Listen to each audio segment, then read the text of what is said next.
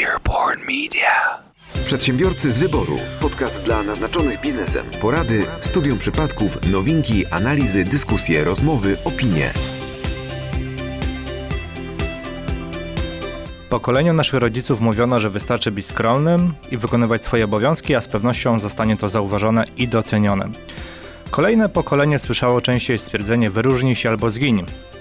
Czy oba z nich są nadal aktualne? O tym nie tylko porozmawiamy w dzisiejszym odcinku podcastu Przedsiębiorcy z Wyboru, na który zapraszają Was serdecznie. Mateusz Majk, a z nim Mariusz Malicki. Paweł Badura. Piotr Łysko. Michał Kucharski. I Konrad Kitaszewski. Jak słyszycie, drodzy słuchacze, znowu mamy gościa, e, z którym porozmawiamy z tego, co, słysza- co słyszałem o Tinderze, prawda? Dokładnie tak. Będzie to, będziemy rozmawiać o Tinderze dla przedsiębiorców. Kolejny merytoryczny odcinek. Już jak, jak nie, po, Pornhub był y, na razie najbardziej merytorycznym odcinkiem, teraz Tinder zamienia się w słuch. No właśnie. e, Już tutaj wspomniałeś, Konrad, że o, o Tinderze dla przedsiębiorców, jakbyś mógł to rozwinąć, a tylko trochę. E, Jasne, będziemy dzisiaj właśnie rozmawiać na temat e, LinkedIna, e, no i głównie budowania swojej marki personalnej oraz pozyskiwania tam klientów. Dzięki wielkie, ale zanim do tego, to wracamy do newsów. E, Kto już ma naładowany news? Tak mi, się dopiero, mi się dopiero ładuje. Ja mam tak naładowany, bo mnie ostatnio nie było. Przedsiębiorcy z wyboru. Podcast dla naznaczonych biznesem. Słuchajcie, ja zauważyłem, że ja bardzo dużo mówię o sklepach. Eee, zauważyliście No, to? jeszcze wciskasz ludziom kit sprzedażowy, to, to o czym masz mówić? No, Mariusz, rozumiem, że e, ten, faktura idzie, tak? Od Archelana.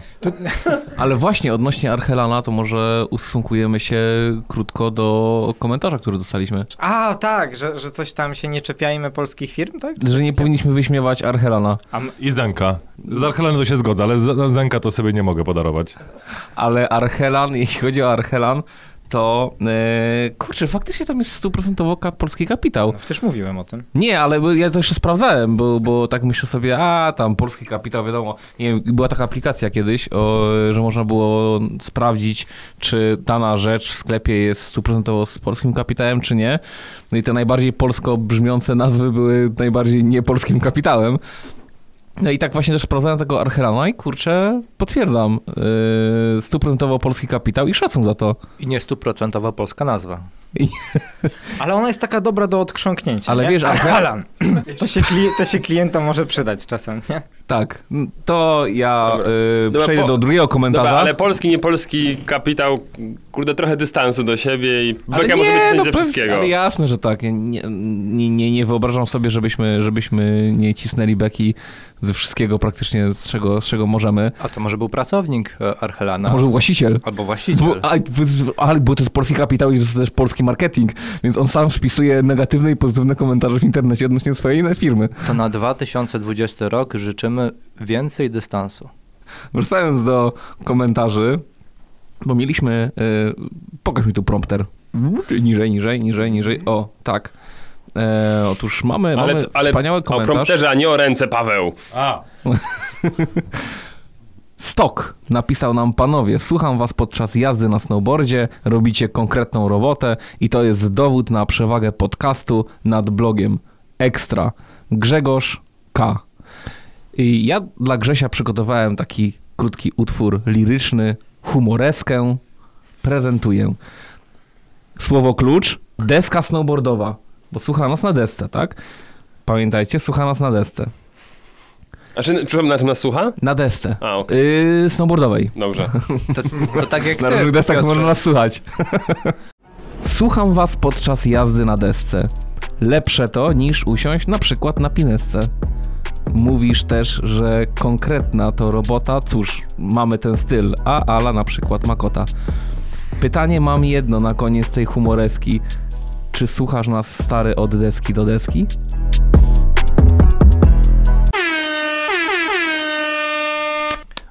Brawo Piotrze, natomiast pytanie, czy to nie jest ta sama deska, której ostatnio ci zabrakło e, wrzucając dwójkę w publikacji u nas tutaj? Nie, nie, nie, nie zabrakło. Yy, widzisz, kleptomania Marcina, Mar, Boże, Marcin, Mariusza. Ty już jesteś któryś raz Marcinem stary, spokojnie. Yy, Mari- kle- kleptomania Mariusza yy, jest tak samo chorowita jak moje zapominanie imion. Ale kleptomania Mariusza sięgnęła zenitu i z łazienki zniknęła deska klozetowa. Ale poradziłem sobie z tym, znaczy nie ja, administracja, bo y, dała nową. Ale to taki sztok bardziej też. Ja nie wiedziałem właśnie, czy to chodzi o alkohol, jak przeczytałem ten tytuł tej recenzji, czy to jest sztok? Nie, a, może taki, że wiesz, że, że, że pisze, skąd piszesz? Stok. Ale wiesz, ale Naszego odcinka można słuchać po każdym albo na każdym sztoku. i na każdej desce. To jest właśnie przewaga podcastu nad blogiem. Przedsiębiorcy z wyboru. Podcast dla naznaczonych biznesem. Wiecie, ile e, małych e, przedsiębiorstw zajmujących się samym handlem zniknęło w samym grudniu? 15%. Nie wiem, ile jest procent ogólnie, ale 9,5 tysiąca. 9,5 tysiąca przez poprzednie 11 miesięcy zniknęło tylko 1,5 tysiąca. To przez Archelana wszystko. Obawiam się, że przez zakaz handlu w niedzielę. Przez A, Zenka. a, a dobra, okej, no może tak być. Ale naprawdę, to jest podawane jako jedna z głównych... Ale e, Archelan może pracować w niedzielę. No może niektóre sklepy mogą, nie wiem. Na To pewno, zależy, na, czy na, tam pe- właściciele siedzą, czy na nie. pewno Archelan. A wiecie, że Archelan jest od, od pierwszych. Tam był Artur, Helena i ktoś tam, założyciele. To jest od pierwszych y, imion, od pierwszych liter imion. No, ale recenzję mamy od Łukasza, to, to się nie zgadza. Mm. No a ty się jak podpisujesz w internecie? Pust- Andrzej. Nie, Mariusz. Ja też. Mariusz A- tylko jakby... Marcin. A słyszę, nie, to Mariusz się Marcin dlatego mi się myli. Ale słuchajcie, wy, wy, y, najbardziej zasmuciło mnie to, że Mariusz będzie pierwszą osobą w Polsce, która będzie miała ten legendarny klucz do porno prawdopodobnie. Kupiłeś już? Złoty klucz. To poczekajmy jeszcze na, na tego newsa. Mariusz, tak jak powiedziałeś, że mm, za kasami mają stać e, właściciele, no to nie do końca tak przy, przecież przepisy mówią, bo wystarczy być jednostką pocztową, tak, czy punktem. Tak, tak. I w tym momencie każdy nie przy, przedsiębiorca stoi za kasą. To będzie, to będzie jedyna całodobowa placówka pocztowa, która nie jest, która jest czynna e, całą dobę. To, a to raz, a dwa pewnie i stacje benzynowe też mogą być otwarte, nie? Oni mają taki y, olej rzepakowy, że można go lać do poloneza. Więc oni też mogą być otwarci de facto też w, weekendy. A propos tych placówek pocztowych, wiecie ile e, placówek pocztowych faktycznie wykorzystuje tą możliwość bycia otwartych w niedzielę? Trzy. 2%. 2% oczywiście no, wykorzystują to żabki, tak? E, które też e, mocno przyczyniają się do tego, że e, no, te 9,5 tysiąca firm się zamknęło. Bo, bo słuchajcie, liczba podmiotów w branży, czyli mówimy o takich małych przedsiębiorcach, małym handlu, tak? Małych sklepach, od momentu, w którym zaczął się ten zakaz handlu w niedzielę, czyli tam od 2018 roku, skurczyło się aż 22 tysiące, tak? z czego tam prawie 10 tysięcy no w, w grudniu, czyli w ostatnim miesiącu, w którym jeszcze ten przepis nie wszedł tak do końca, tak? czyli jeszcze tam było więcej tych niedziel. Czyli przepis, który teoretycznie miał pomóc e, małym przedsiębiorcom, mm, no bo oni mogą by, być otwarci w niedzielę, tak naprawdę ich e, dobił. Jak to jest w ogóle możliwe? Dlatego, że po pierwsze sieci handlowe, te takie duże, e, głównie dyskonty, no, zrobiły sobie ogromne reklamy, żeby ludzie e, kupowali w soboty. No i kupują faktycznie w soboty i nie przychodzą do tych małych przedsiębiorców w niedzielę. Jak sobota to... Prawda? To jest- A ja swoją drogą uważam, że to jest skrajne przestępstwo wykorzystać tak piękną piosenkę warszawską do takiego czegoś, także to mówię stanowcze nie, ale... No ale wiesz, ale od razu jak myślę o sobotnich zakupach, to mam piosenkę Lidla w głowie. Znaczy, ja już sobie w tym roku powiedziałem wprost, że nawet się nie będę zastanawiał, w którą niedzielę będą otwarte sklepy, no bo jest ich tak rzadko, tak? To chyba są, jest 7 czy 6 niedziel Tak, w no. tym roku, że umówmy się, no, są zamknięte w niedzielę sklepy, nie? A małpkę zawsze na stacji można kupić, nie? Przedsiębiorcy z wyboru. Podcast dla naznaczonych biznesem. Ja również a propos tego, co, co, co tutaj mówiliśmy o tych placówkach pocztowych i handlu w niedzielę, y, to Ministerstwo Rozwoju też y, w jednym ze swoich, y, w jednej ze swoich koncepcji dla mm, pracowników powyżej 50 roku życia chce jakby wyciągnąć zakaz pracy dla tych pracowników w niedzielę handlowe, czyli osoby po 50 roku życia mogłyby mogłyby również e, stać też za, za kasą i w ogóle pracować e, w, w niedziele niehandlowe. No i tu jest jeszcze sporo, e, sporo takich innych e, propozycji, Miał być urlop na godziny po to, żeby osoby starsze mogły na przykład wyjść na kilka godzin po prostu z pracy na umówioną wizytę u lekarza, obniżenie składek ZUS dla pracowników też właśnie po, e, po 50 e, roku życia. Także tego jest dużo i mam tutaj taki artykuł, który podsumowuje wszystkie te założenia, ale może poczekamy jeszcze chwilę, niech to rynek zweryfikuje, bo niektóre są dosyć absurdalne, a niektóre faktycznie mogą się logicznie i praktycznie w, wcielić w naszą polską rzeczywistość przedsiębiorców. Przedsiębiorcy z wyboru. Podcast dla naznaczonych biznesem. Wie, wiecie, ile dziennie jest kupowanych małpek w Polsce? Jakich małpek? Takie małe, e, małe, małe, małe buteleczki z, z złocistym trunkiem. A, Tak, takie właśnie. Nie wiem. No, a jak myślicie? O, ja czytam kilka tysięcy. O Kilkanaście tysięcy. Kilkanaście tysięcy? Dziennie. Ja myślę, że... No, chyba w Sosnowcu. Nie, nie. To ja, ja to też czytam, to jest jakaś ogromna ilość, nie wiem, pół miliona mi się kojarzy, albo nawet coś takiego. Jej, mi się pysie. Z- Czekaj, ile jest Polaków? No właśnie, ile jest Polaków? No to tak... Trzy miliony. Uwaga, Nie, Polaków jest Nie, nie więcej. Polaków, małpek, małpek. Więcej Polaków. Małpek, chodziło. Michałowi chodziło o prawdziwych E, Ale Polaków. nie w Rosji. y, statystyki, czy w, liczby te podają się pomiędzy 750 tysięcy a 3 miliony właśnie. Dziennie? Tak, maksymalnie 3 miliony, Ja mi, minimalnie, znaczy może nie minimalnie, ale tak średnio, bezokazyjnie bym tak powiedział, 750 tysięcy. Ludzie, co wy robicie? Przecież to się nie opłaca, kupujcie większe. Ale właśnie to się opłaca. Właśnie, właśnie, właśnie. Się... Gen handlowca. Kupujcie większe. To się bardziej opłaca. Będzie pan zadowolony. No i potem alkoholizm, kuźwa. Przykro mi, Piotrze, że masz takie, jakby, wiesz, problemy. Dobra, ej, ale to jest przerażające. Jak dla mnie. Małpki. W ogóle... Szk- szkła w ogóle, piłem. Słuchajcie, słuchajcie, słuchajcie, bo dla, dla mnie to jest fascynujące. Kojarzycie związki pracodawców różnych, nie? No jest ZPP, na przykład jest Lewiatan, No, no, E, no. jest kilka takich Przedsiębiorcy z wyboru. Przedsiębiorcy z wyboru, no to największy, no tutaj nie mówię o takich mniejszych, nie? E, nowa opłata od małpek nie zwiększy wpływów do państwowej kasy, a będzie tylko dalszą dyskryminacją mocnych alkoholi względem piwa, uważa branża spirytusowa. I otóż czym jest ta branża? To jest, to jest tak, słuchajcie, jest beef, jest beef po prostu pomiędzy branżą spirytusową a branżą piwną, rozumiecie? Na, to było, ja, ja, zacząłem się w to wczytywać, to jest fascynujące. I teraz kto, wy, kto zajął stanowisko w imieniu całej branży spirytusowej? Palikot. Związek, nie, Związek Pracodawców Polski Przemysł Spirytusowy. Postanowiłem się się od razu zapisać, ale y, trzeba robić alkohol, a nie Ale być tylko fanem. Związek nie, nie, nie jest to fan klub. Spirytusowy- A teraz Ale oni wywołują duchy, nie? Tak? Tak, tak, ale mówisz co? Na pewno ducha można wyzionąć. Tak, Spiritus Sancti, no. Spiritus Sancti. Rządowe plany wprowadzenia opłaty jednej, jednej złotówki od mocnych alkoholi, alkoholi w małych opakowaniach, tak zwanych małpkach, spotkały się z ostrą krytyką Związku Pracodawców Polski Przemysł Spirytusowy.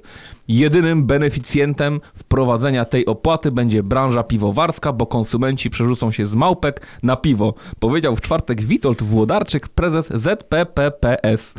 Zwrócił przy tym uwagę na to, że ponieważ nie ma planów nakładania nowych danin na piwo, nie podrożeje ono, a zatem konsumenci będą tym chętniej wybierać alkohole o niższej zawartości alkoholu, ale to nie zmniejszy ogólnego spożycia alkoholu.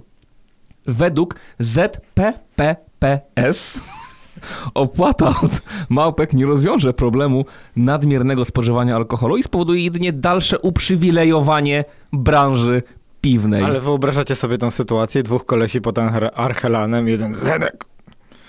Nie kupujemy małpki. Pierdolę. Pier... Czteropak. Nie, nie, nie. Nie będzie rząd plu... ZPPPPS pluł nam w twarz.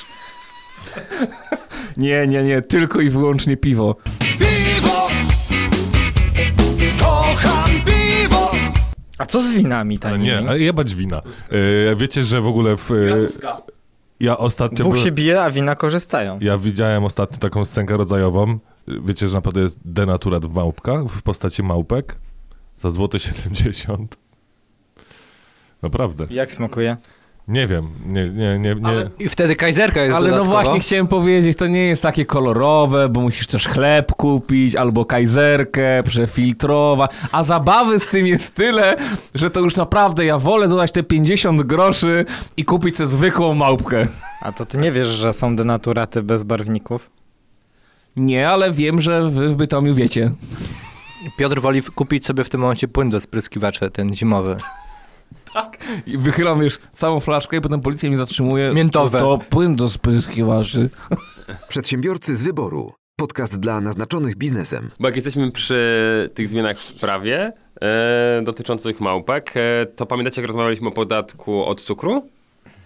Było, był ten Tak, temat. tak. Tak, tak. I wcale no. się nam za dużo nie zmienia, jak widziałem. Niektóre ceny nawet są niższe teraz przy tym nowym No podatku. właśnie, to jest, przedyskutowali, to przedyskutowali i planowo miało od, tego podatku od cukru do budżetu wejść ponad 2 miliardy złotych, ale no po dyskusjach z branżą stwierdzili, że tam niektóre ceny na 40% w dół względnych szacunków mają lecieć.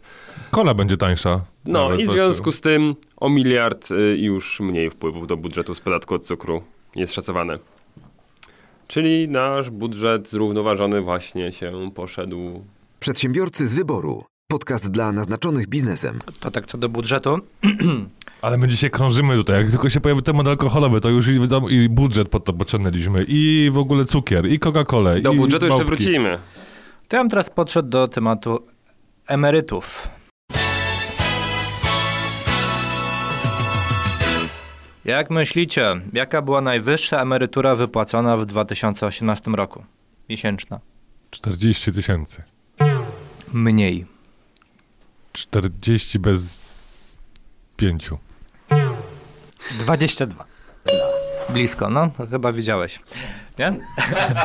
tak, dwa, Ja ją dostałem. Zmysł sprzedawcy to od razu wszystko obliczył już. Tak, tak, całkę wyciągnął kotangens e, dokładnie 22 482 zł w województwie e, mazowieckim. Natomiast coś ciekawe, patrząc na całą Polskę, to nie województwo mazowieckie, a śląskie przoduje patrząc na najwyższe emerytury wypłacane osobom. Ale kogoś to dziwni? Mamy górników tu. No tak, tylko pytanie, czy górnicy faktycznie dostają emerytury powyżej 10 tysięcy złotych, chyba mówimy o tego typu kwotach. Kadra zarządzająca.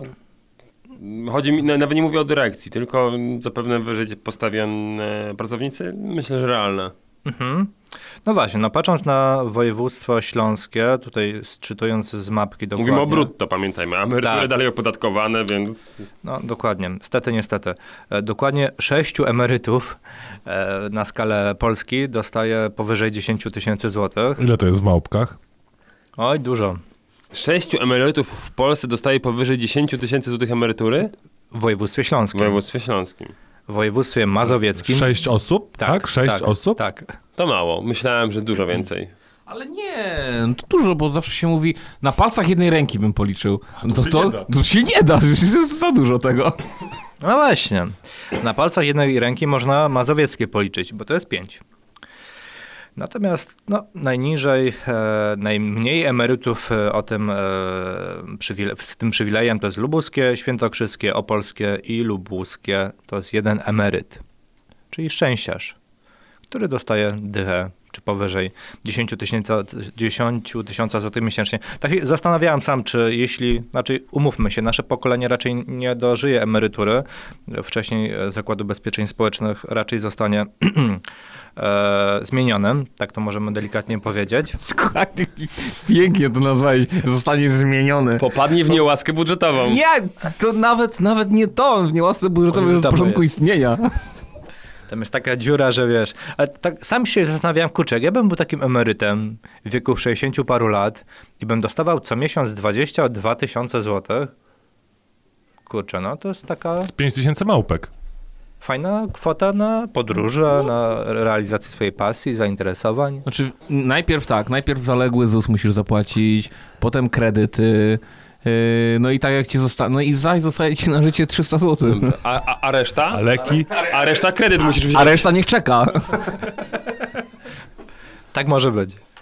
Dobra, bo jak jesteśmy przy emeryturach, widzisz, bo ty mówisz o wysokości. A Dla Ja mówię o państwa- jakości.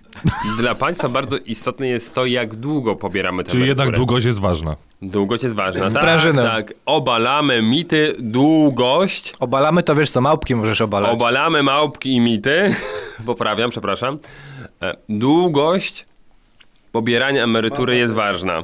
Średnio 12 lat. Tak, ale... Tak? Tak? Nie.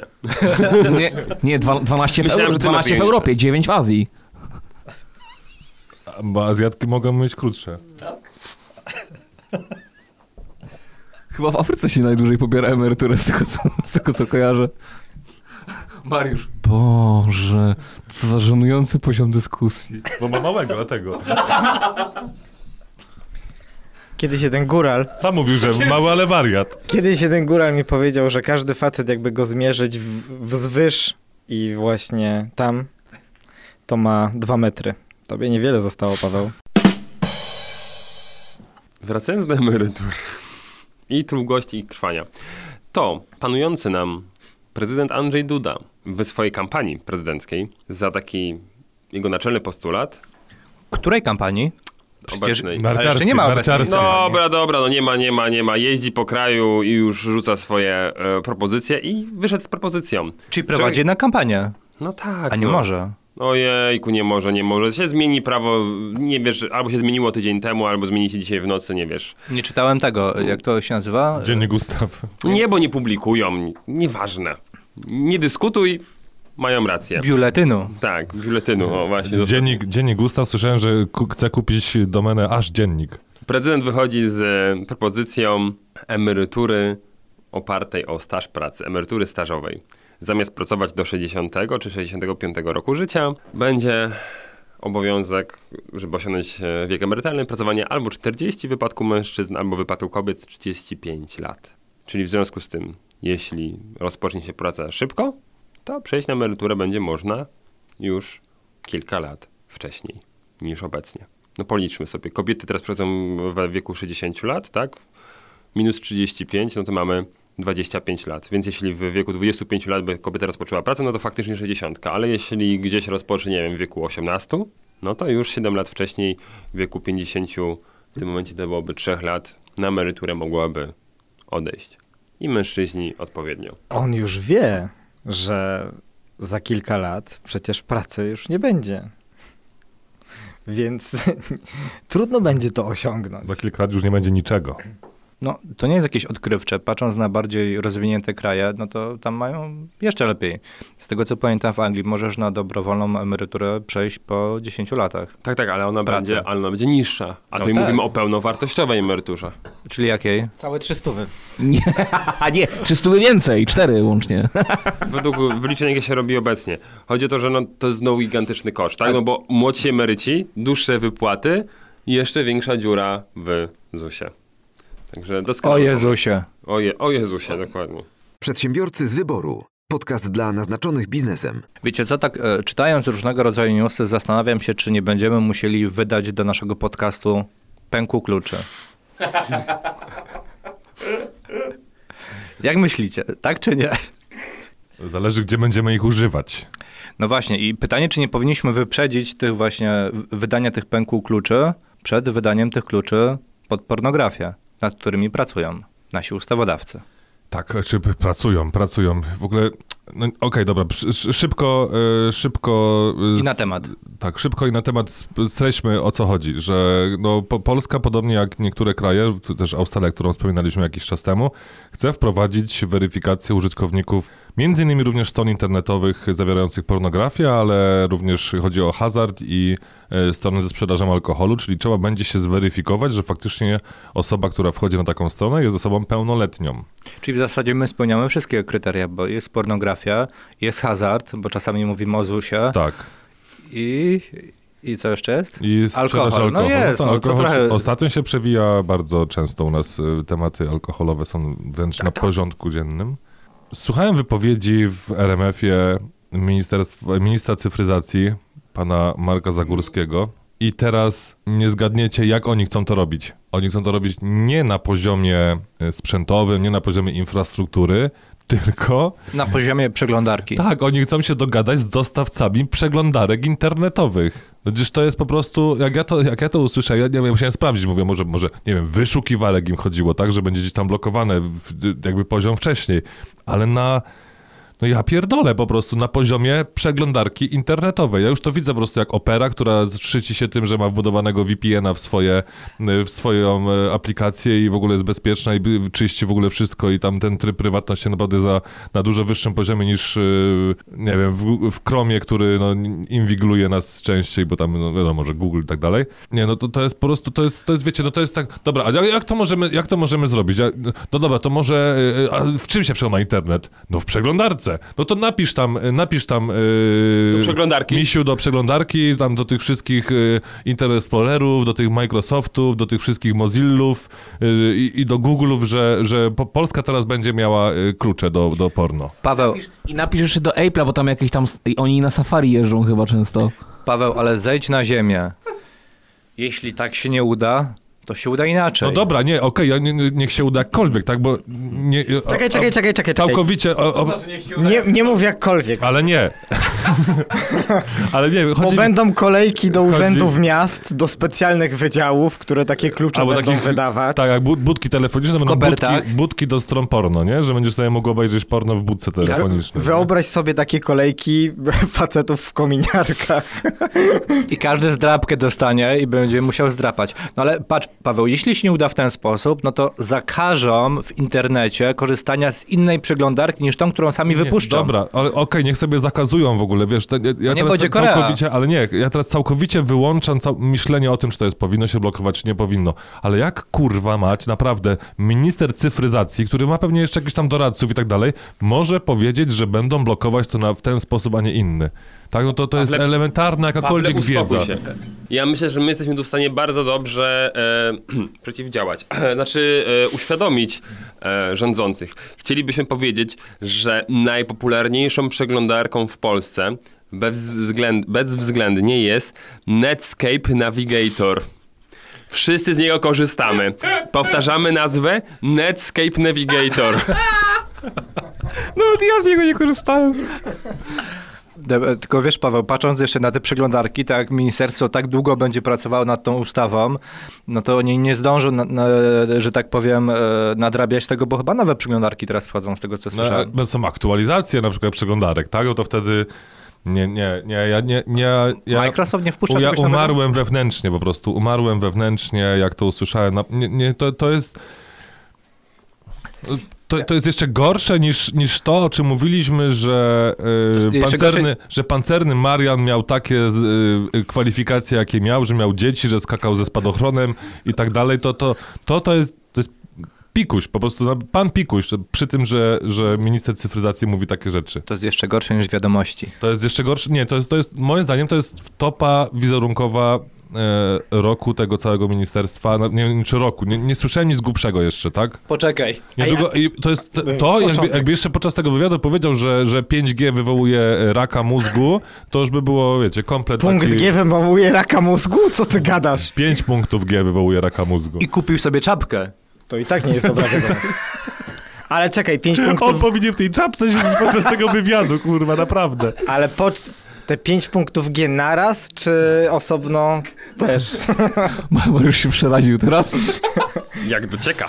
Dobra, ale ja sobie cały czas wyobrażam te kolejki w kominiarkach i teraz wyobraźcie sobie taka komisja, taka podobna... Nie, taka podobna do komisji lekarskiej, jak do wojska idziesz, wiesz. I to mówi pan... Bo mówi pan, panie Piotrze, że pan chce porno oglądać, tak? To proszę się rozebrać. Tak? Proszę się wypiąć. Tak. E, Grażynko, na, panu na trzy palce sprawdźmy. Przedsiębiorcy z wyboru. Podcast dla naznaczonych biznesem. Dobra, tak jesteśmy przy dymaniu. To ZUS. E, tak. To ZUS. E, rozmawialiśmy już nieraz na antenie podcastu o tak zwanym małym ZUSie Plus, czyli tych fantastycznych ulgach. No i co faktycznie tutaj wszystko ładnie wchodzi, ale zapamiętajmy sobie imię i nazwisko pani profesor prezes ZUS, pani profesor Gertruda Uścińska, bowiem pani profesor się będzie nam, myślę, pojawiać jeszcze w tym roku nieraz. Pani profesor ostrzega, że Przedsiębiorcy, którzy chcą skorzystać z tego małego ZUS-u Plus, jest ich ponad 300 tysięcy w naszym kraju, będą bardzo wnikliwie sprawdzani, bowiem zastosowanie tego małego ZUS-u opiera się na tym, że tam się deklaruje kwotę dochodu za zeszły mm, rok, prawda? I na tej podstawie jest podejmowana decyzja. I byłoby wszystko w porządku, no bo każdy przedsiębiorca gdzieś tam w swoich księgowych e, dokumentach ma tą kwotę. Tylko, że to nie ta. I ustawowo została nałożona pułapka, bowiem w wliczeniach na poczet y, tego mniejszego ZUS-u nie można zastosować odliczenia składek zdrowotnych. A większość przedsiębiorców wpisuje je w koszty. I przez to im kwota dochodu się zmniejsza. A tutaj trzeba do, doliczyć odliczone wcześniej koszty składek zdrowotnych do dochodu. Jak doliczymy, to nam wychodzi kwota, jaką mamy podać do ZUS-u. A jeśli będzie błąd w tej kwocie, to kontrolerzy ZUS-u, którzy już są uaktywnieni i uczuleni na to, będą weryfikować te firmy. No a potem posypią się kary za niewłaściwe tutaj wskazywanie tych kwot i karne odsetki. Nie no, ja i tak bym nie skorzystał, ale no przykre. Ale czego się po naszym ZUSie spodziewać? No? Nie, ale powiem wam, zakładać mechanizm tak głupi, że inne Ale można musisz było- zrobić. Ja myślę, że e, na, nasz ZUS i inne instytucje państwowe mają naprawdę marketing e, w małym palcu. No bo to jest tylko kwestia, to co Piotrek często mówi, żeby Myślisz, że ten marketing mają w małym palcu? Ja myślę, że mają gdzie indziej. Nie no, oni przedsiębiorców mają tam. Już by marketingu tam nie zmieścili. Przedsiębiorcy z wyboru. Podcast dla naznaczonych biznesem. Słuchajcie, ostatnio rozmawialiśmy o em, Tomasie Kuku i wspominaliśmy, ciekawe co się stanie z Neckermanem, nie? Już wiemy, co się stanie, tak? Wiemy. O, no to E, dajesz. mianowicie prezes e, Neckermana mm, założył sobie e, nowe biuro podróży, które nazwał Necker. Ale, Oh man! ale uwaga, ona, ona nie ma nic wspólnego opró- z Neckermanem, oprócz tego, że Też on tam że ma jest. tego samego prezesa Nie, i podobną nazwę. On on się sprzedaje. E, ona nie ma nic wspólnego, drodzy klienci, nie musicie się bawić, bać. To jest bardzo dobre biuro, ja z niego korzystałem wielokrotnie. Nie ma to nic wspólnego. Proszę nie dać się zwieść nazwie Necker. E, jest pre, Piotruś klient? pre... Nie, y, to nie ja sprzedaję, tylko, tylko Ja Mariusz. się nie odzywam, ale... e, Ale musiał pan prezes nieźle zarabiać na Neckermanie, bo e, musiał przedłożyć gwarancję wysokości równowartości 90 000 tysięcy euro, żeby móc to biuro otworzyć. Także.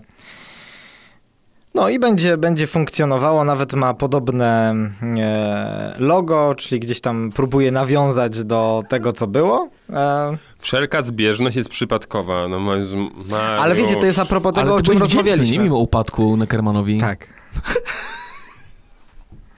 E, No to weź... A nie, nie musiał- Neckermanowi, Teraz się musi Tomasa odwdzięczyć. Tomasa Cooka. Się cieszyłem, że upadł. Skorzystałem na tym.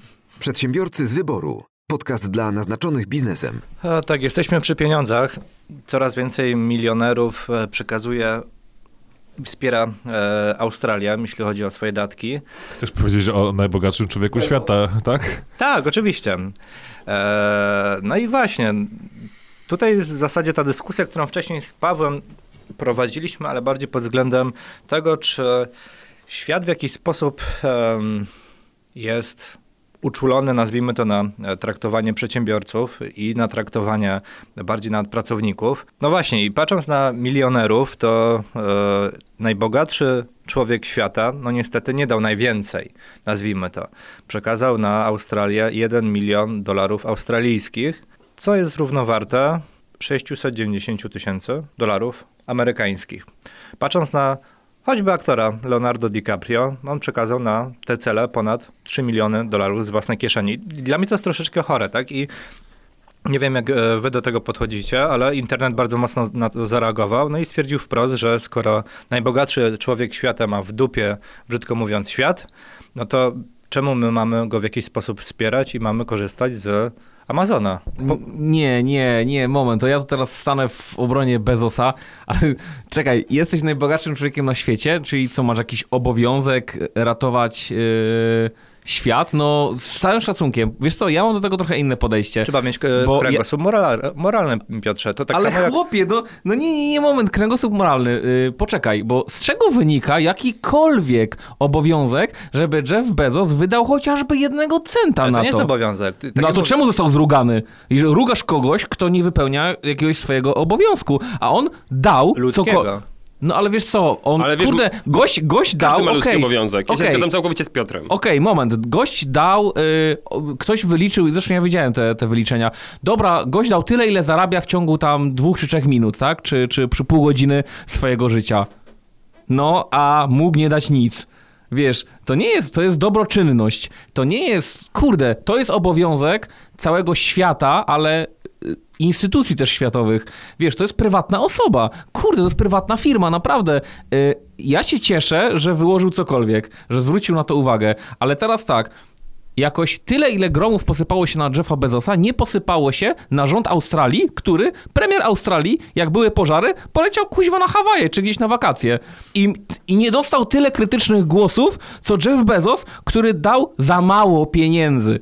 Dwa, yy, Sydney zorganizowało pierdylnego Sylwestra za miliony, eu, miliony dolarów, a parę dni później nie potrafią uporać się, gdzie już wtedy wiedzieli, że mogą być problemy, to szczerze mówiąc, no nie wiem, ja bym nie, nie, nie organizował imprezy, a ratowałbym swój kraj. Kurczę, no i, i teraz wiesz, i teraz patrząc na to wszystko, oczywiście, ja też jestem zdania, że kwota, którą przeznaczył jest śmieszna w perspektywie jego całego zarobku, ale czy on miał jakikolwiek obowiązek cokolwiek z tym robić, kiedy wszyscy inni mają to trochę w dupie? Ja bym jeszcze chciał tylko dodać, e, czy ci wszyscy, którzy mm, dali jakiś głos krytyczny, Czy dali oni- taką samą, taki sam procent swoich dochodów. Przykład, Jak on. No, też, też bym się nad tym zastanowił.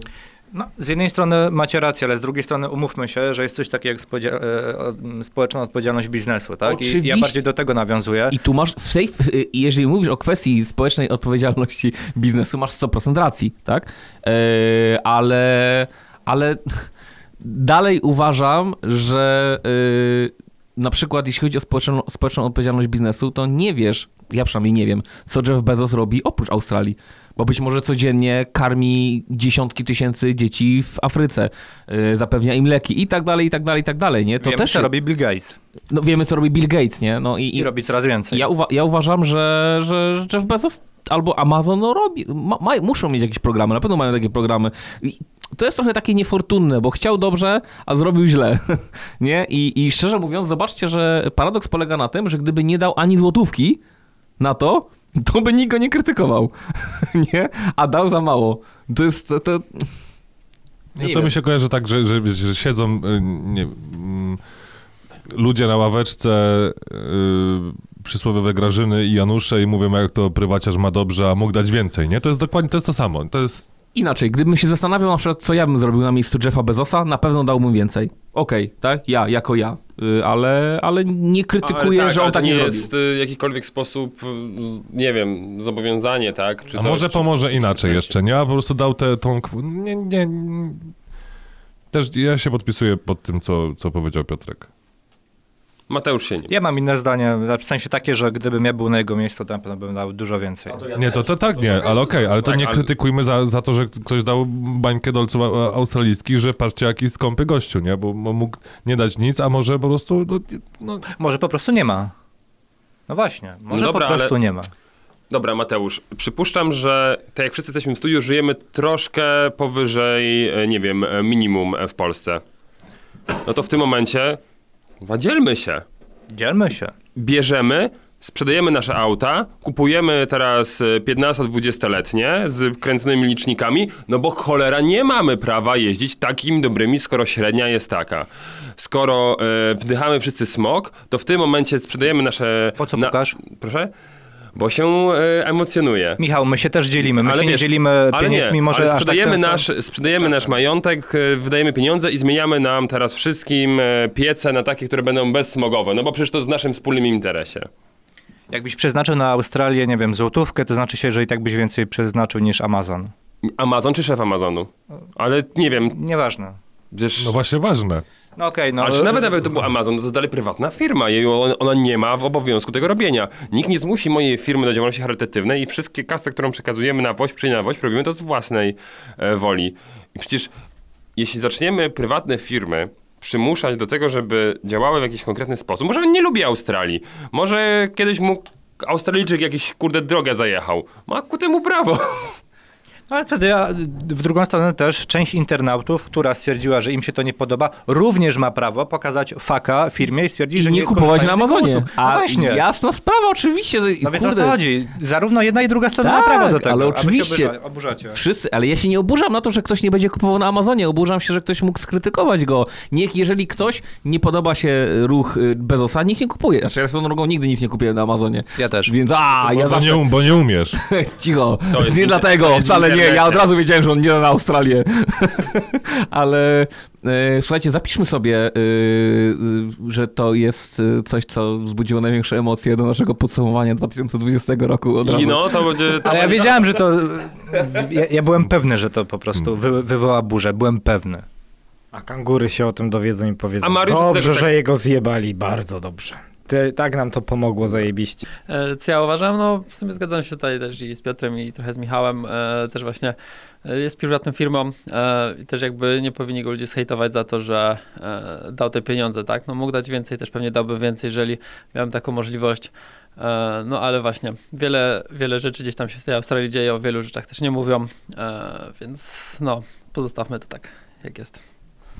Przedsiębiorcy z wyboru. Podcast dla naznaczonych biznesem. Ten news to właściwie takie epitafium tego, o czym rozmawialiśmy w, pod koniec ubiegłego roku i co wzbudziło największe emocje w 2019 roku, a mianowicie pensja minimalna 4000.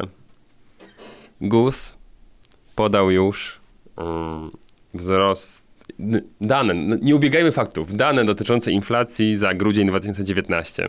Inflacja wynosi 3,4%. Rok do roku skok 3,4. Żeby było wiadomo, e, w zeszłym roku, no druga połówka roku to naprawdę jest 2,9, 2,9, 2,6, 2,5, 2,6, no i w końcu 3,4. Także solidnie, solidnie lecimy do góry. Lecimy do góry. Trzy, Lecimy do góry. cztery. Ale powiem wam, nie to jest najbardziej przerażające, bo ten skok no, oczywiście wskazuje, że już przedsiębiorcy zaczęli nastawiać na to, że od stycznia będzie 4000 i myślę, że dane z pierwszych miesięcy tego roku będą równie zatrważające.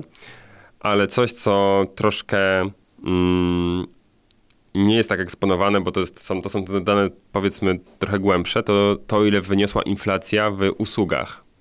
A to jest dopiero duża liczba. Bo to jest coś, co bardzo łatwo modyfikować, tak? No bo usługi po prostu dany przedsiębiorca bierze i sobie zwiększa, tak? To nie jest e, nie, nie tak bardzo łatwo, nie, nie tak jak towar, tak? Który gdzieś tam często jest związany jakimiś długoterminowymi umowami i, i obliczenie tej kwo, tych kwot jest bardziej skomplikowane. Inflacja w usługach 6,1 rok do roku. Czy jeśli, e, nie wiem, płaciliśmy e, gdzieś za coś, za jakąś usługę stówę, to w tym roku to już jest 106 zł i 10 groszy. To jest naprawdę solidny wzrost w usługach. A oczywiście te usługi przerzucą się na inflację ogólnorynkową. Michał, ale jak wszystko drożeje, to usługi też mają prawo drożeć. Patrząc na przykład na branżę, nie wiem, kreatywną, graficzną i tak dalej, e, w momencie, kiedy kupujemy nowy sprzęt, a co jakiś czas trzeba inwestować w firmę, no to, to niestety ten sprzęt jest coraz droższy, tak? Tak, tak, ale wiesz, ja nie mówię, że nie mają prawa, tylko mi chodzi po prostu... Ja, ja patrzę na te obiektywne dane rynkowe, że inflacja ta półtora, dwuprocentowa, no to powiedzmy ona się dzieje ciągle, ale taki wzrost no wskazuje, że czekają nas ciekawe czasy, jeśli chodzi o gospodarkę i to, co się będzie działo z cenami. I 500 plus nic tutaj nie da, bo za niedługo ten 500 plus zostanie zjedzone. Nie mówmy o tym! To Nie ja, mówmy tylko, o- ja tylko cichutko to- powiem, że już w tej chwili jest warta około 460 zł. 450 nawet, ale 400, cicho. no. Nie mówmy o tym głośno, bo, jeszcze ktoś zorientuje. Dokładnie i jeszcze ktoś wpadnie na głupi pomysł waloryzacji. Halo, proszę państwa, jak 500 może być warte 450? No właśnie. Czy wy oszaleliście? 500 plus 500 to jest 500 i zawsze będzie 500. Dokładnie. A ile to jest? A ja y, zawsze tankuję za stówę Dokładnie. na stacji, I, więc i tej logiki się trzymamy. Tej logiki się trzymamy. 500 plus zawsze powinno być 500 plus i dzisiaj, i jutro, i za 10 lat, i za 15 zawsze powinno być 500 plus. No. Bezos mógłby dać więcej. o, niech da, 1500! Nie, nie, naprawdę, to jest y, nie kop w tym dołku, Paweł. To jest zasypany dołek, w środku toporek, a teraz idziemy dalej. Mam jeszcze jeden wesoły news, zanim przejdziemy do gościa. Przedsiębiorcy z wyboru. Podcast dla naznaczonych biznesem. W- przeglądałem sobie ostatnio przełomowe wyroki. No, zresztą że tam było tysiące wyroków e, dotyczących PIT-u, VAT-u, CIT-u e, i innych rzeczy, ale to nie zwróciło mojej uwagi tak bardzo jak wyrok z Wrocławia, bo pewien wrocławianin wygrał proces o prawie 30 tysięcy złotych, jaki wydał w nocnym klubie. I to jest taki pierwszy wyrok na korzyść klienta nocnego klubu. A czy tam dużo, dużo, Boże, no 30 tysięcy wydał. E, I jak czytamy, mm, zaprosiła pana Bartłomieja S., zaczepiła młoda kobieta e, we Wrocławiu, zaprosiła go na darmowy pokaz do klubu Princess. Po dwóch drinkach mężczyzna dziwnie się poczuł, niewiele pamięta, co się dalej działo. Wtedy właśnie zaczął wydawać spore sumy. Kiedy doszedł do siebie, okazało się, że z konta zniknęło 29 830 zł. Bartłomiej zawiadomił policję, śledztwo umorzono, policja nie znalazła żadnych dowodów i tak dalej, i tak dalej. Ale pan Bartłomiej postanowił wytoczyć proces cywilny. I jak podniósł, będąc świadomym swoich czynów, pan Bartłomiej nigdy nie zdecydowałby się na zakup alkoholu w nocnym klubie za tak znaczne kwoty, przeznaczając na to wszystkie swoje oszczędności. I dalej. Jak dodano, żaden racjonalnie myślący człowiek, świadomy tego, co robi, nie dokonywałby zakupu tych samych produktów w tak wysokich cenach. Zwłaszcza, że z pewnością nie byłby w stanie ich skonsumować. Bylibyście w stanie skonsumować alkohol za 28 tysięcy? No Ja ostatnio, jak był tutaj y, z nami Mariusz Wojciechowski, myślę, że udałoby nam się skonsumować nawet za wyższe kwoty alkohol. trzy dobre wina No, już masz, czy bardzo, bardzo dobre wina i i już masz jesteśmy- 20 tysięcy, już Chociaż myślę, że 30 w, prawie. w nocnych klubach nie inwestują w, do, w drogie wina, a tyskie faktycznie mogło, mo, mo, mogło być, mogło być mocno marżowane. Piotrze, tylko patrząc na tego twojego newsa, to dokładnie taka sama sytuacja miała miejsce, jeśli chodzi o mm, kwestię sprawy związanej z kasynem. Ale tutaj jest wyrok odwrotny. Osoba podała faktycznie kasyno e, do sądu o, o to, że zbyt dużo pieniędzy wydała, że została upojona, e, jeśli chodzi o alkohol. E, no i jaki był wyrok? Nie wyrok ścigania kasyna, tylko wyrok zakazu wstępu do wszystkich kasyn w mieście dla, O. dla tej konkretnej osoby. No czyli za głupotę też trzeba karać. Przedsiębiorcy z wyboru. Podcast dla naznaczonych biznesem. E, Jak jesteśmy jeszcze przy pieniądzach, to szybki jeden news taki, nazwijmy to, padł nowy rekord, jeśli chodzi o UOKiK i o karę w tym roku. Kara 120, ponad 120 milionów złotych. Volkswagen! Ja, A, das das auto! auto! Będę miał most. Zgadnijcie za co? No, za, za aferę, tak, dieslową, która miała miejsce kiedy? W 2013 roku, czy 2003? To, była, to było bardzo dawno temu. W każdym razie, no dopiero teraz Volkswagen, Volkswagen Grupa Polska, co jest istotne, dostała taką karę, którą no, wcześniej czy później będzie musiała zapłacić Ile tu mówisz? 120, prawie 1 milionów. O, widzisz. A, to ja mam newsa o milionie i 14 tysiącach. Tak ładnie, dokła- d- tak ładnie, dokładnie mogę podać em, tą liczbę, bowiem nie o kasie mowa, a o kilometrach. Słyszeliście? Dróg? Nie, właśnie nie, przejechanych. Słyszeliście, że od nowego roku już policja kontroluje również stany liczników? Tak. No właśnie. I posypały się pierwsze kontrole i oczywiście tam jakieś e, BMW, Golf i inne tego typu. Niemiec płakał. E, tam 200, 200-300 tysięcy. To je, je, jeszcze z tydzień temu czytałem, że rekord był 300 tysięcy, ale dzisiaj rano wyczytałem, że został e, skontrolowany Mercedes Sprinter, gdzie różnica między stanem licznika a tym, co jest w Cepiku, wyniosła milion czternaście tysięcy kilometrów. Został na stacji diag- diagnostycznej było, że po, auto powinno mieć 2 miliony 8 tysięcy 533 km, a obecny stan, czyli podczas kontroli wskazywał 993 tysiące. Tylko pytanie, kto w takim razie powinien być kierany, nie? No bo z jednej strony, okej, kierowca, natomiast w momencie, kiedy ja kupiłem tego typu auto i zostałem w, wprowadzony w błąd, no to no, kogo będą ścigać? To jest moim zdaniem durny przepis. No bo w tym momencie kierowca nie, dostaje ale, mandat. ale to auto miało kontrolę w grudniu 2019 i miesiąc później No okej, i no to w tym przypadku tak, no ale w momencie, kiedy ja kupuję nowe auto i po jakimś czasie wychodzi, że to auto ma cofnięty licznik od, nie wiem, 200-300 tysięcy Nie, nie, no to, to, to ścigamy tamtą Znaczy, osobę.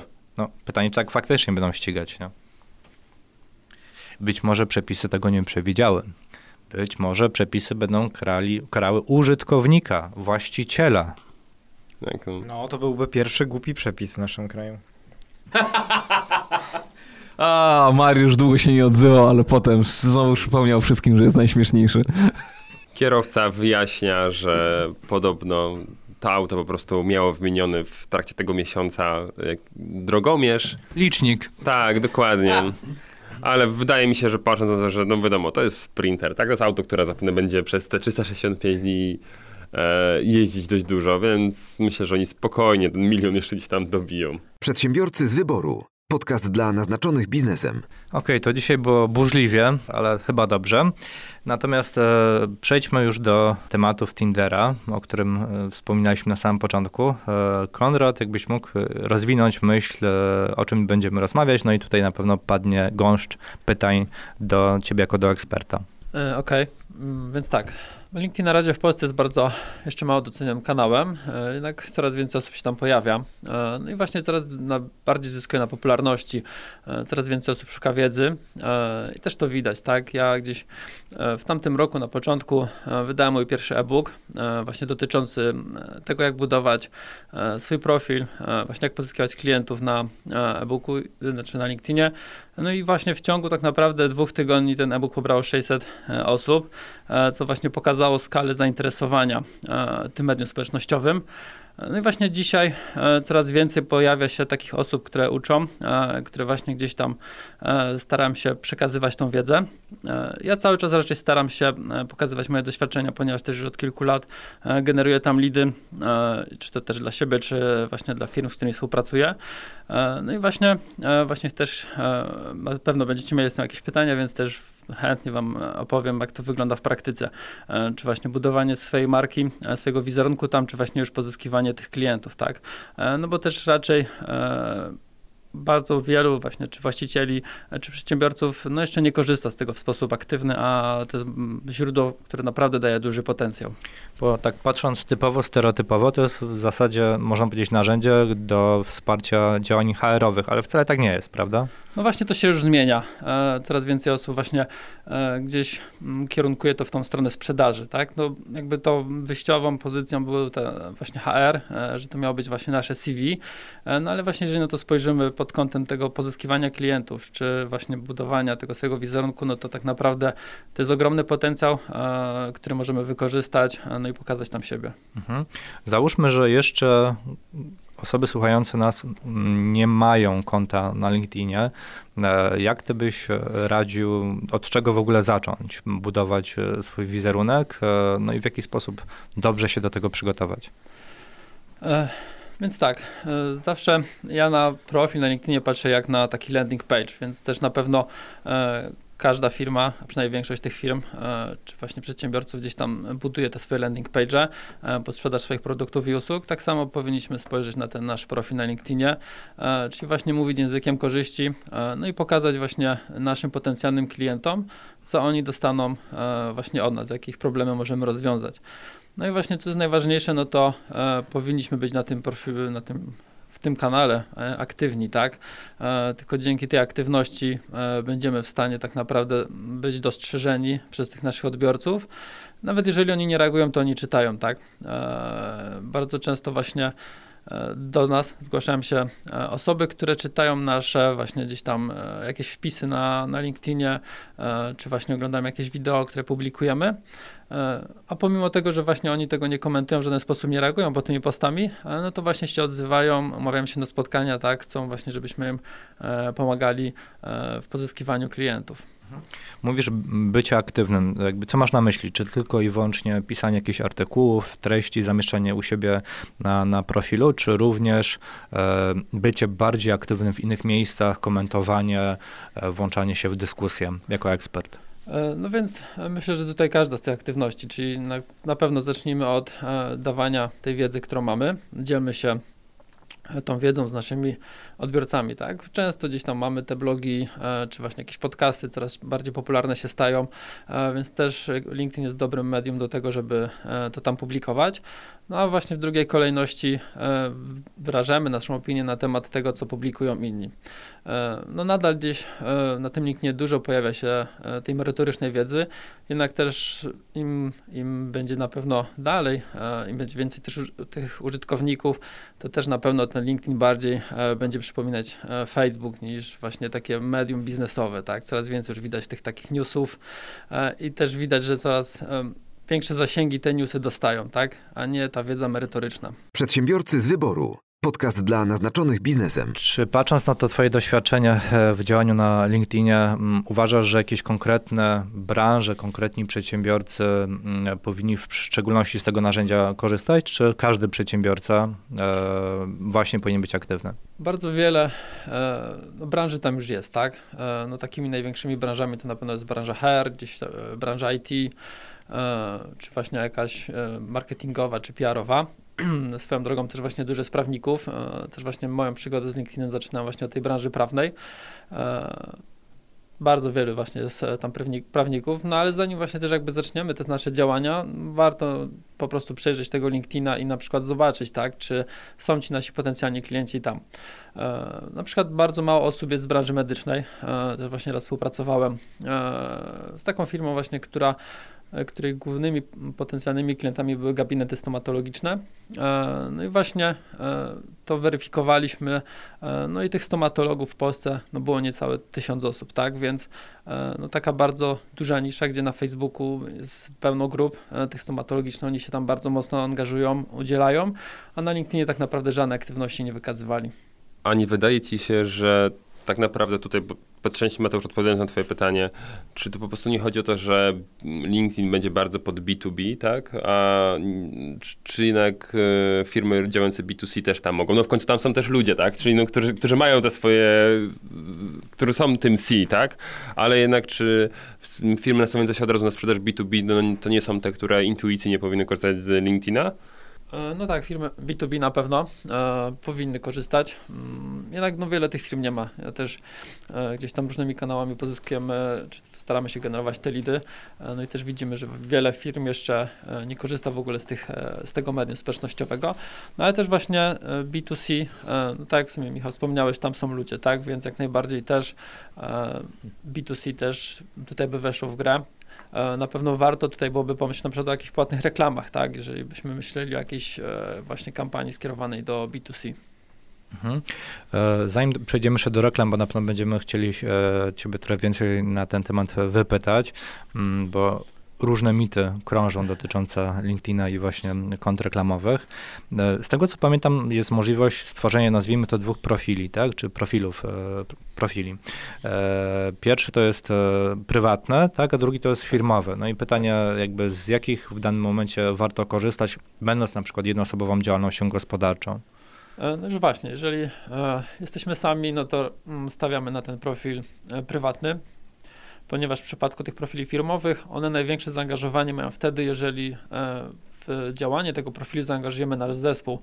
E, Jakby tutaj wtedy jesteśmy wtedy, e, jakie zasięgi osiągnąć, tak? Jeżeli mamy 50 pracowników i każda, każda z tych osób będzie komentowała wpis na naszym profilu firmowym, no to tak naprawdę te algorytmy są tak ustawione, żeby ten zasięg był jak największy. Wtedy, żeby odbiorcy, e, właśnie użytkownicy, e, którzy mają tych pracowników w swojej sieci, żeby te wpisy widzieli. Jeżeli właśnie nie mamy e, takich możliwości, no to głównie skupiamy się na tym profilu prywatnym, no budujemy tam swoją markę, pokazujemy siebie jako ekspert, dajemy tą wiedzę, No i właśnie wtedy też tak naprawdę dając już tylko ten sam content, bardzo wiele gdzieś tam po tych potencjalnych klientów do nas przychodzi. Czy taka dyskusja pracowników pod postem firmowym e, nie wygląda trochę sztucznie i prześmiewczo? Trochę tak, wiecie, no to jest tak te, te memy, że e, jest lew, który sobie liże jaja i wtedy to jest tak, jak ktoś koment, albo to, to jest tak, jak ktoś lubi swój post. E, No bardzo ciekawe e, spostrzeżenie. W sumie tak na to też nie patrzyłem. E, Na pewno można udostępniać te posty e, na swoich e, gdzieś tam tablicach i jakby to udostępnianie daje największy zasięg, tak? Czyli jeżeli jesteśmy pracownikiem takiej firmy, możemy to udostępniać. Wtedy tak naprawdę docieramy tymi postami firmowymi do jak największej liczby odbiorców. No a tak poza tym pozostają wszystkie inne relacje. Tak, no, reakcje, które gdzieś tam możemy zostawić. Czy mi się przynajmniej wydaje, Paweł, bardziej, że to chyba też zależy od konkretnej tematyki, która jest poruszona na profilu, bo e, jeżeli jest to tematyka, która w jakiś sposób może zaangażować również pracowników, no to dobrze, żeby te komentarze się pojawiły. I tu nie chodzi mi o sytuację, kiedy jest hejt e, pod postem, e, o którym też już jakiś czas temu mówiliśmy z firmy pod tytułem, pamiętacie? Mediamarkt. Mediamarkt właśnie, tylko bardziej mi chodzi o jakieś takie angażu- angażujące, nazwijmy to pozytywnie, przedsiębiorców, e, no bo znowu, na, patrząc na, na inne media społecznościowe, to też chyba nie jest złe, jeśli dany pracownik e, daje, nie wiem, pięciogwiazdkową opinię na temat konkretnej firmy, O, o, o, ale czekaj, no, daj mi swojej, dokończyć, No. swojej e, firmy, w Na- której ok. pracuje, ale komen- komentuje to w sposób taki, że nie, że jest firma super i tak dalej, tylko właśnie podkreśla walory, nazwijmy to, jego rozwoju i co on się nauczył w tej firmie pod tym względem. Czyli nie, że jest firma super, kupuje, kupujcie i tak dalej, jako klient, tylko bardziej jako personel, który tam działa, który się rozwija, który się wiele nauczył, co się konkretnie nauczył, no i że poleca dla pracowników. Dobra, Mateusz, y, ale uważasz na przykład, że tak jak my jesteśmy, tutaj siedzimy, każdy ma jakąś tam działalność gospodarczą swoją, to powinniśmy również y, wystawiać sobie mm, rekomendacje? Nawzajem? Nie, y, wewnętrznie. No jako właściciele nie. Natomiast bardziej No. mówię jako pracownicy. Dobra, no to na przykład pracownicy Michała powinni mówić, że pracujemy w super miejscu, dajemy sobie pięć gwiazdek i potem ktoś wchodzi na, przykład na Face'a i patrzy, że jest tam, nie wiem, pięć nowych opinii i pięć osób e, najeżdżając na tą osobę y, kursorem podświetla nam się miejsce pracy i to jest właśnie ta firma. No tak, ale to już te, też wynika bezpośrednio z komentarza, nie? Czyli jeśli mówimy tylko i wyłącznie o samych gwiazdkach, to ja też nie jestem za. No nie, okej, Ale- mamy gwiazdki i komentarz, tak? No ale mm, i ten komentarz jest taki, jak powiedziałeś, że dobra, super Mhm. miejsce do rozwoju, do pracy i tak dalej, i tak dalej, a jednak ktoś to na, na, na i, i miejsce pracy jest ta firma. Mi się to strasznie kłóci. A mi nie, no bo o, opiniujesz w tym momencie konkretną firmę, ale nie, nie pokazujesz przez pryzmat jakby ich usług e, i tego, co dają klientom, ale tego, co dają społeczności, która, która jest wewnątrz firmy. To jest troszeczkę inny komunikat. Komunikat skierowany, nazwijmy to, do przyszłych może pracowników, którzy chcieliby w tej firmie pracować. Ja, ja A ci to powiem, można- teraz też ale troszkę to- no. odpowiem na swoim przykładzie, Mhm. tak, gdzie y, sporo ludzi zatrudniam i są osoby, które nas oceniły, a wtedy jeszcze nie były naszymi pracownikami. Okej, no to... No i w tym momencie, jak ktoś zweryfikuje to w twój sposób, bo na przykład brał udział w jakichś naszych eventach, tak? Spodobało im się, zaczęły nas śledzić, potem poszły ogłoszenia i zrekrutowaliśmy ich jako, jako animatorów. No i No, dzisiaj okej, no to to jest- mają to jest- opinię, a, mhm. a gdzieś tam pojawiają się u nas na zdjęciach. No i mogłoby być e, fejkowe, a tu nie. Wszystko zależy tak naprawdę o, o czym dana osoba mówi. Nie? No. Ale to ja bym wolał, żeby ktoś udostępnił informację albo napisał gdzieś u siebie, ale ja bym naprawdę nie chciał, żeby, żeby ludzie, którzy pracują u mnie, e, wystawiali mi recenzje na, na, na, w mediach społecznościowych. I masz do tego prawo. Jak jest lepiej? Jakie jest twoje zdanie? Jakie jest moje zdanie? E, No powiem może, jak wygląda, dało to pierwsze założenie LinkedIna, w jaki oni sposób na to patrzą, e, bo oni też dziś właśnie to opisują i definiują. Oni właśnie e, stawiają na to, żeby pokazać, jak wygląda to życie wewnętrzne firmy. E, Jeżeli mamy właśnie pracowników, e, to właśnie oni chcą, żeby pokazać, jak ta praca wygląda. I z jednej strony ma to działać na osoby, które będziemy rekrutować, właśnie żeby ich zachęcić do tego, żeby przyszły do nas pracować, a z drugiej strony, żeby pokazać naszym potencjalnym klientom, że w naszej firmie jest fajnie, że zobaczcie, jak się u nas fajnie pracuje, jaki mamy fajny zespół, no i żeby właśnie też tym zachęcić tych klientów do tej naszej, do współpracy z nami. No, czyli jednak można powiedzieć, że faworyzują bardziej takie działania, nazwijmy to HR-owe, niż e, typowo B2B i sprzedaż. Ale kto faworyzuje? LinkedIn. No ale czemu? Jak? No bo jeżeli algorytmy w ten sposób są przygotowane, Tak, no w przypadku kont firmowych tak to wygląda. E, No jednak oni też udostępniają takie dodatkowe narzędzia, tak jak Sales Navigator, czy właśnie te inne konta premium, e, no które na przykład właśnie Sales Navigator jest skierowany stricte już pod sprzedaż, tak, więc jakby no on tutaj jest nastawiony na to, żeby e, pozyskiwać tych klientów, pozyskiwać informacje na temat tych klientów i żeby sprzedawać, tak. E, No są wersje premium dla HR-owców, tak, gdzie możemy się dowiedzieć wszystkiego na temat naszych potencjalnych klientów, możemy ich filtrować, tak żeby jak e, najlepiej i najbardziej dopasować tak, tych e, nowych pracowników do naszej firmy. E, No więc z jednej strony e, oni mają te narzędzia sprzedażowe e, i w przypadku właśnie czy to sprzedawców, czy przedsiębiorców gdzieś tam jest ten kierunek właśnie na tą sprzedaż, ale w przypadku właśnie tych kont firmowych to bardziej właśnie są te działania HR-owe, tak. Mhm. Miałeś do czynienia z tymi wyższymi kontami premium właśnie pod względem rekrutacji pracowników? Do rekrutacji nie miałem, jedynie te właśnie sprzedażowe to tak. No właśnie, bo chciałem cię o te konta premium dopytać, czy opłaca się twoim zdaniem z punktu widzenia przedsiębiorcy, tak, który się nastawia na pozyskiwanie klientów na LinkedIn, inwestować w tego typu konta? I jeśli tak, to dlaczego? Jeśli nie, no to dlaczego? E, No jasne. Jakby no taką największą różnicą pomiędzy tym zwykłym kontem, a tym kontem e, premium e, jest dokładniejsza możliwość filtrowania, tak?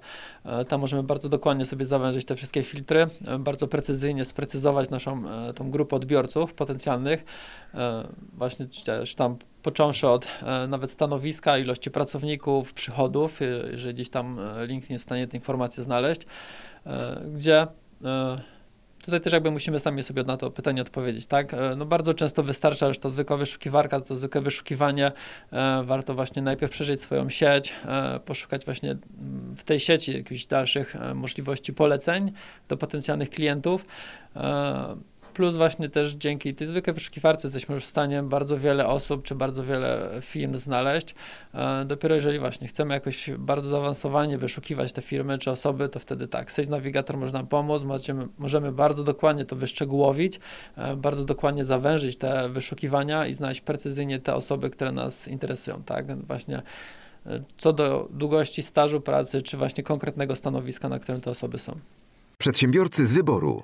Podcast dla naznaczonych biznesem. A moim zdaniem, ja chciałem, żeby się też ustosunkował do tego, moim zdaniem największą zaletą, jakby przewagą LinkedIna nad innymi mediami, nad innymi kanałami z e, social media jest to, że faktycznie widzimy, kto ogląda nasz profil, tak? I wtedy możemy faktycznie już jakby z- zaczepić osobę, która gdzieś tam próbowała się z nami skontaktować albo oglądała nasz profil, tak? pod warunkiem, że masz konto premium, bo Tak, w to- normalnym masz tak. ograniczenia. Tak, tak, tak. No mówimy o kontakt premium. Nie, no nie masz ograniczeń. Jeżeli, jeżeli tylko ma, jesteś odblokowany, bo możesz sobie na, na LinkedInie zablokować, że jak wchodzisz na cudze konto, to cię nie widać i wtedy nie widzisz, jak ktoś wchodzi na twoje, ale możesz to odblokować i wtedy widzisz, jak ktoś wchodzi na twoje. No, ale nie zobaczysz. Zobaczysz na przykład jedną, dwie osoby, a Tak. że informacja, że w twój profil odwiedziło x osób i przejść na konto premium, żeby zobaczyć, co to były za osoby. Dokładnie tak jest, Mariusz. Tak, I dokładnie. ja taki, i ja taki um, trochę kiedyś na pewnej konferencji usłyszałem taki,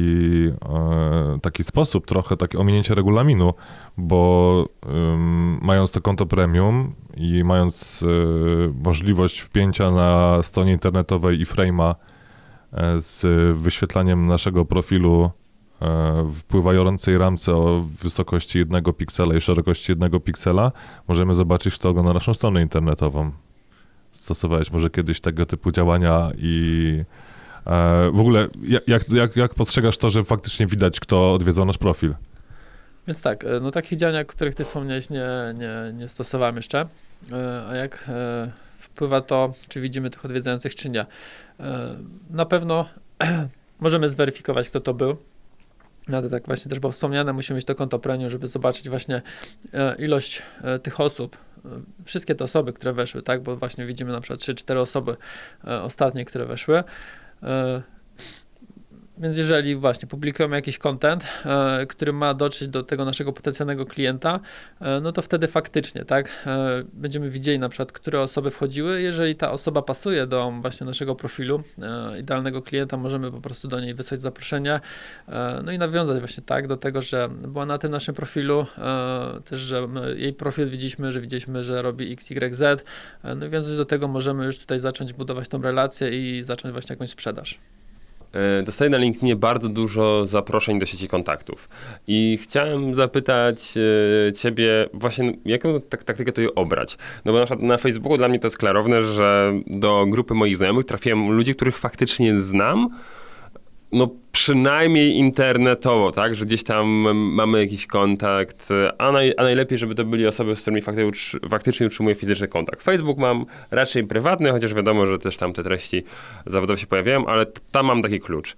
A czy na LinkedInie, nie wiem, powinniśmy przyjmować wszystkich tak jak leci, mając nadzieję, że to będzie wzrost naszej sieci kontaktów, czy nie, może LinkedIn na tego źle patrzy, czy wręcz przeciwnie, patrzy na to dobrze, w jaki tutaj sposób, jaką taktykę tutaj obrać, bo widzę, że czasami to są po prostu tak szczapy yy, osoby, nie wiem, z drugiego końca świata, które mam wrażenie, że klikają po prostu wszystko, co im się, tam nawiąż kontakt, nawiąż kontakt, nawiąż kontakt, prawda, co wszystko, co się wyświetli. E, a drugą część pytania dodam za chwilę. No okej, okay, no dokładnie tak jest. Bardzo wiele osób e, po prostu klika nawiąż kontakt tylko po to, żeby e, budować swoje sieci i mieć ciebie jako potencjalnego gdzieś tam odbiorcę. E, a jak na to patrzy też LinkedIn, e, bo oni też jakby to spisali w swoim regulaminie, jak e, jakby założenia całej tej sieci, prawda? E, oni tutaj stawiają na to, żebyśmy nawiązywali relacje tylko z osobami, które znamy, e, czyli faktycznie, podobnie jak na Facebooku, tak? E, czyli mamy tutaj, mają to być znajomi na przykład z jakiejś szkoły, z uczelni, czy firmy, z którymi współpracujemy, nasi partnerzy biznesowi. Idea była taka, żeby właśnie poprzez tych znajomych, które mamy na LinkedInie, e, docierać do nowych potencjalnych klientów, tak? Czyli widzimy, że e, nasz potencjalny klient jest znajomym naszego klienta, tak? No to po prostu prosimy o referencję, o polecenie i ta osoba nas łączy, tak? Z tym nowym potencjalnym klientem. Takie było całe to założenie, tak? Jeżeli właśnie jesteśmy przedsiębiorcą, to myślę, że ta strategia jest jak najbardziej dobra, e, żeby właśnie w tym kierunku to robić. E, tutaj też tak naprawdę możemy dotrzeć do wielu osób e, i tutaj też będziemy dostawali te referencje i polecenia. Natomiast jeżeli jesteśmy już sprzedawcą, no to też staramy się docierać do jak największej liczby tych potencjalnych klientów. Więc wtedy też możemy tak naprawdę docierać do każdej tej osoby. Bardzo wiele osób też przyjmuje te zaproszenia, tak tutaj też e, my testujemy to, wysyłamy też e, właśnie generując lidy e, z różnych kont, wysyłamy te zaproszenia. No i tak 30 do 50% osób przyjmuje te zaproszenia. Część też osób od razu odpisuje po tym wysłanym zaproszeniu. No właśnie, a jak wysyłacie te zaproszenia? Po prostu dodaj mnie, dodaj, dodaj, nawiąż kontakt, czy jednak jakiś kontakt bardziej opisany w wiadomości jest? E, raczej staramy się właśnie dodawać te wiadomości. E, wiadomości gdzieś tam zwiększają tą konwersję o jakieś 10-20%. Mhm. To możemy y, ustalić, jak taka powinna brzmieć wiadomość, jakie miałaby mieć treść, żeby zachęciła, bo jak ja widzę. E, witam panie Paweł, to jest z, z kilku dni temu ma takie wiadomości ma mnóstwo. Witam panie Pawle. Bardzo proszę o podanie numeru telefonu, bo chcę porozmawiać na nowy temat biznesowy związany z pracą w finansach dla nowej firmy na polskim rynku. Może ktoś w gronie znajomych, kto szuka nowych wyzwań i zarobków powyżej 20 tysięcy miesięcznie, będzie zainteresowany. I tu jest podany numer telefonu. E, na przykład jeszcze mogę. ktoś mnie na przykład zaprasza i czeka dwa dni i potem pisze, dobry wieczór, jakiś czas temu nawiązaliśmy znajomość w tym serwisie. Chciałem tylko podziękować za zaakceptowane zaproszenie do moich kontaktów. Mam nadzieję, że będziemy w kontakcie. Okej, okay. E, to też jakby zależy od celu, jaki mamy, tak? E, jeżeli mamy stricte sprzedażowy, e, no to często już nawet w samym zaproszeniu e, jakoś nawiązujemy do tego, co robimy, tak? Jeżeli to jest jakaś usługa, no to możemy opisać to, że na przykład taką usługę wykonujemy albo taki produkt sprzedajemy. Wtedy z jednej strony to już w jakiś sposób zweryfikuje, tak? Też ten nasz odbiorca będzie wiedział, że e, czymś takim się zajmujemy, tak? E, Potem w, też, też w kolejnych wiadomościach, które my wysyłamy zazwyczaj, e, staramy się budować to zaangażowanie za pomocą jakiegoś kontentu, e, gdzie właśnie tutaj też mm, dzielimy się wiedzą. Czyli też od razu nie sprzedajemy, tylko właśnie pokazujemy w jaki sposób na przykład e, jakiś problem był rozwiązany, e, jakie korzyści mogą e, z tego wyniknąć. No i tutaj odsyłamy czy też do jakichś wideo, czy odsyłamy do jakichś artykułów na LinkedInie, czy na blogu. E, a dopiero potem w kolejnych wiadomościach właśnie e, gdzieś tam krążąc wokół tego tematu, e, tego kontentu, który gdzieś tam wcześniej wysłaliśmy, dopiero wysyłamy te wiadomości sprzedażowe. Okej, okay, już powiedziałeś, że odsyłamy tam jakieś artykuły i tak dalej. Warto publikować te artykuły w obrębie właśnie LinkedIna? Na pewno I powinno to być jeden do jednego z bloga, czy to jednak unikalne treści? Jak, jak uważasz, o tym, o, co o tym sądzisz? Więc tak, mm, my robimy też często tak, że na przykład na LinkedInie w artykule robimy na przykład jakiś fragment e, tego, co mamy na blogu e, i na przykład odsyłamy do bloga, tak, E, gdzie ktoś może więcej informacji dostać, e, a po, właśnie to po pierwsze, a po drugie gdzieś tam e, mamy na naszych blogach, na naszych stronach właśnie wszystkie te piksele i tutaj też wszystkie te informacje od razu się zapisują e, i możemy też potem te osoby remarketingowo, tak, atakować, wyświetlać im wszystkie reklamy, też będą wtedy widzieli nas wszędzie, tak, nie tylko na LinkedInie. Ja tak bym tylko dodał do tego, e, o co ty jeszcze, Paweł, przed chwilą zapytałeś, czyli ja- jaki, jaki sposób zaproszenia kogoś innego na LinkedInie będzie najbardziej efektywny. Bo też mam to sprawdzone. E, I najbardziej efektywny jest wtedy, jeżeli się odnosisz do tej osoby. Nie? E, I to jest fajne, tylko że najbardziej pracochłonne. Czyli faktycznie musisz się mm, no, troszeczkę czasu poświęcić, żeby przeczytać, czym się ta osoba zajmuje powiedzieć, interesuje mnie z twojej branży to i to, to jest fajne, tego ci gratuluję na przykład, a ja się zajmuję tym i tym. Znaczy, to, to jest fajne, nie? Jakby nie ciśniemy siebie na dzień dobry, bo dlaczego mielibyśmy zainteresować osobę? Pokażmy, że się zainteresowaliśmy tą osobą i, i e, czegoś więcej chcemy się o niej dowiedzieć, to też jest wartościowe później dla nas gdzieś tam nawet sprzedażowo. Mm, No a potem możemy też powiedzieć coś o sobie przy, przy okazji, w czym możemy pomóc gdzieś tam, coś takiego, nie? Tak, dokładnie tak. Ja się często też spotkałem, no, w, szczególnie w zeszłym roku, e, że faktycznie jak z kimś rozmawiałem na jakimś networkingu, na jakiejś konferencji, e, to od razu się dodawaliśmy e, do znajomych właśnie na LinkedInie, a nie na Facebooku, tak żeby było to takie faktycznie B2B. Zresztą jest taka opcja, że możemy dodawać osoby w pobliżu. Czyli stojąc przy jednym stoliku, możemy się od razu dodawać e, w, w aplikacji na telefonie. I, i to faktycznie e, jest coś, co... czy Ja nie zbieram jak Pokemonów e, ludzi na ko- kontaktów na, na LinkedInie, ale przyjmuję tylko te, które faktycznie gdzieś tam uważam, że powinny być w mojej, w mojej sieci. No i w ten sposób to portfolio tych e, odbiorców treści, które tam publikuję, chociaż ja uważam, że i, i cały czas sobie obiecuję, jakbym miał postanowienia noworoczne, to na pierwszym, jednym z wielu postanowień, e, jeśli chodzi o kreowanie własnego wizerunku, to byłoby bardziej e, zaangażowanie się w LinkedIna. E, cały czas to będzie na, na liście, ale, ale e, no tak jak powiedziałem, mm, Klienci nie pozwalają. No, klienci niekiedy nie pozwalają na, na kolejny kanał gdzieś tam do, do, do tego, ale już mam przy, w przypiętej zakładce y, w przeglądarce, więc Jeszcze trzy lata i wejdziesz już w to. tak, już będę. Ale popatrz, jak już poruszyliśmy temat em, tego, że e, no nie ma czasu na prowadzenie nie wiadomo ile kanałów, bo teraz już się robi Facebook, Instagram, e, No, właśnie Ma- LinkedIn Mariusz, ty już tak na. Instagramie No teraz właśnie. tak. Se- Sekundkę, Mariusz, dobra? Bo ja jeszcze mam do tego, co, o czym mówiliśmy i, i za chwilę dodam ci głos, dobrze? Bo cię tutaj wryję. Bo jeszcze, no co? Z Sosnowca jesteście. Ze Sosnowca. Ze Sosnowca. E, Nawiązując właśnie do, do tych zaproszeń i tak dalej, e, gdy ja dostaję zaproszenie do kontaktu bez tej wiadomości, to przyjmuję, żeby móc od, o, o, odpowiedzieć, bo no, nie mogę odpowiedzieć, bo nie mam podnego konta na LinkedInie. E, I e, idzie z automatu pierwsza wiadomość, co zdecydowało, że tam pan albo pani zdecydowało się, nie, nawet nie zna pan pani, jest od razu, czy możemy przejść na ty i czy zdecydowało się, że chcesz mnie zaprosić do sieci kontaktów. I dzięki temu, to, to, jest, to jest taktyka, którą gdzieś u kogoś usłyszałem i naprawdę fajne rozmowy z tego wychodzą. Czasami wychodzi, że e, ktoś jest headhunterem i w tym momencie jest do widzenia, jak nie jesteśmy znajomymi, a czasami naprawdę okazuje się, że coś w moim profilu przykuło uwagę i to też fajne, bo daje spoko informację zwrotną. Mateusz, bo coś chciałeś? No, chciałem się dopytać właśnie, jakie najciekawsze dostałeś odpowiedzi, ale to już przytoczyłeś jeden z nich. Dobra, a wracając do tego braku czasu i dużej ilości różnych kont, różnych e, mediów społecznościowych, co byś e, radził osobom, które no, chcą jakby oszczędzić czas i no, na przykład mają jakąś fajną treść, wrzucają ją na Facebooka, coś podobnego wrzucają na Instagrama i czy można dokładnie to samo wrzucić na LinkedIna? Mm, My raczej tak praktykujemy, ewentualnie zmieniamy trochę gdzieś tam e, ten post. Mm, Często jest tak, że mamy różne grupy odbiorców e, i do różnych grup odbiorców docieramy w każdym z mediów społecznościowych. Ale Tak naprawdę wystarczy nam gdzieś no, te 30 minut dziennie, e, żeby właśnie gdzieś być tym aktywnym e, na LinkedInie. no wiadomo, na początku jest najwięcej pracy, bo musimy to wszystko przygotować, żeby to dobrze wyglądało. E, potem już jest tego, tego czasu potrzeby zdecydowanie mniej.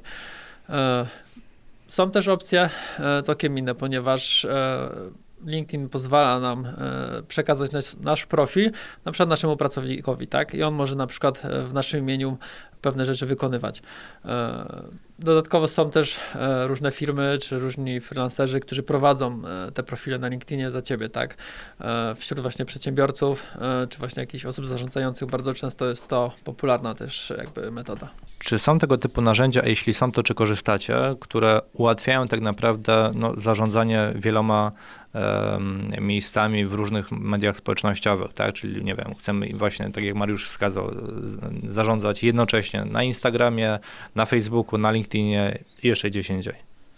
E, No to tak, e, na pewno są takie narzędzia jak Buffer czy Hotsuite, gdzie właśnie możemy planować publikowanie tego kontentu e, w wielu kanałach. Często też te narzędzia podpowiadają na przykład nam w jakich godzinach najlepiej to robić, żeby też było to najbardziej efektywne. Okay. Rekomendujesz tego typu narzędzia? E, Z narzędzi, z których ja korzystam, e, no to właśnie jest albo Buffer, albo Hotsuite naprzemiennie. E, Wizualnie mi się bardziej podoba Buffer, ale funkcjonalnie wydaje mi się, że Hotsuite jest lepszy jednak. Ale to zakładamy, że, że te same treści publikujemy w różnych mediach społecznościowych, tak? Znaczy, Bo to o to chyba pytał e, też Mateusz, bo ty powiedziałeś wcześniej, że, że też tak działacie, że te, same treści publikujecie ze względu na to, że macie różne grupy odbiorców, więc e, te same treści publikowane są w e, kilku miejscach naraz, tak? Tak, no albo właśnie w różnych odstępach czasowych to robimy, czyli na przykład, nie wiem, na LinkedInie w, dniu zero, tak, publikujemy jakiś post, dwa dni później na przykład na Facebooku, a potem gdzieś to szerujemy na jakichś grupach, tak, w różnych odstępach czasowych, tak, żeby te osoby przez jak najdłuższy czas po prostu widziały te wpisy, tak. Ale to jest Czy to, ciekawe. jest, czy to jest obalenie tego wszystkiego, co mówiliśmy przez wiele odcinków, choćby z Kubą Bielem, nie? z, z XCOMu, że każdy kanał wymaga osobnego, osobnej strategii marketingowej de facto. I tak i nie, Pawle, myślę, bo e, to zależy, ja, ja nie wiem, czy tutaj się mylę, że to chodzi o Facebook, LinkedIn, głównie o te dwa kanały.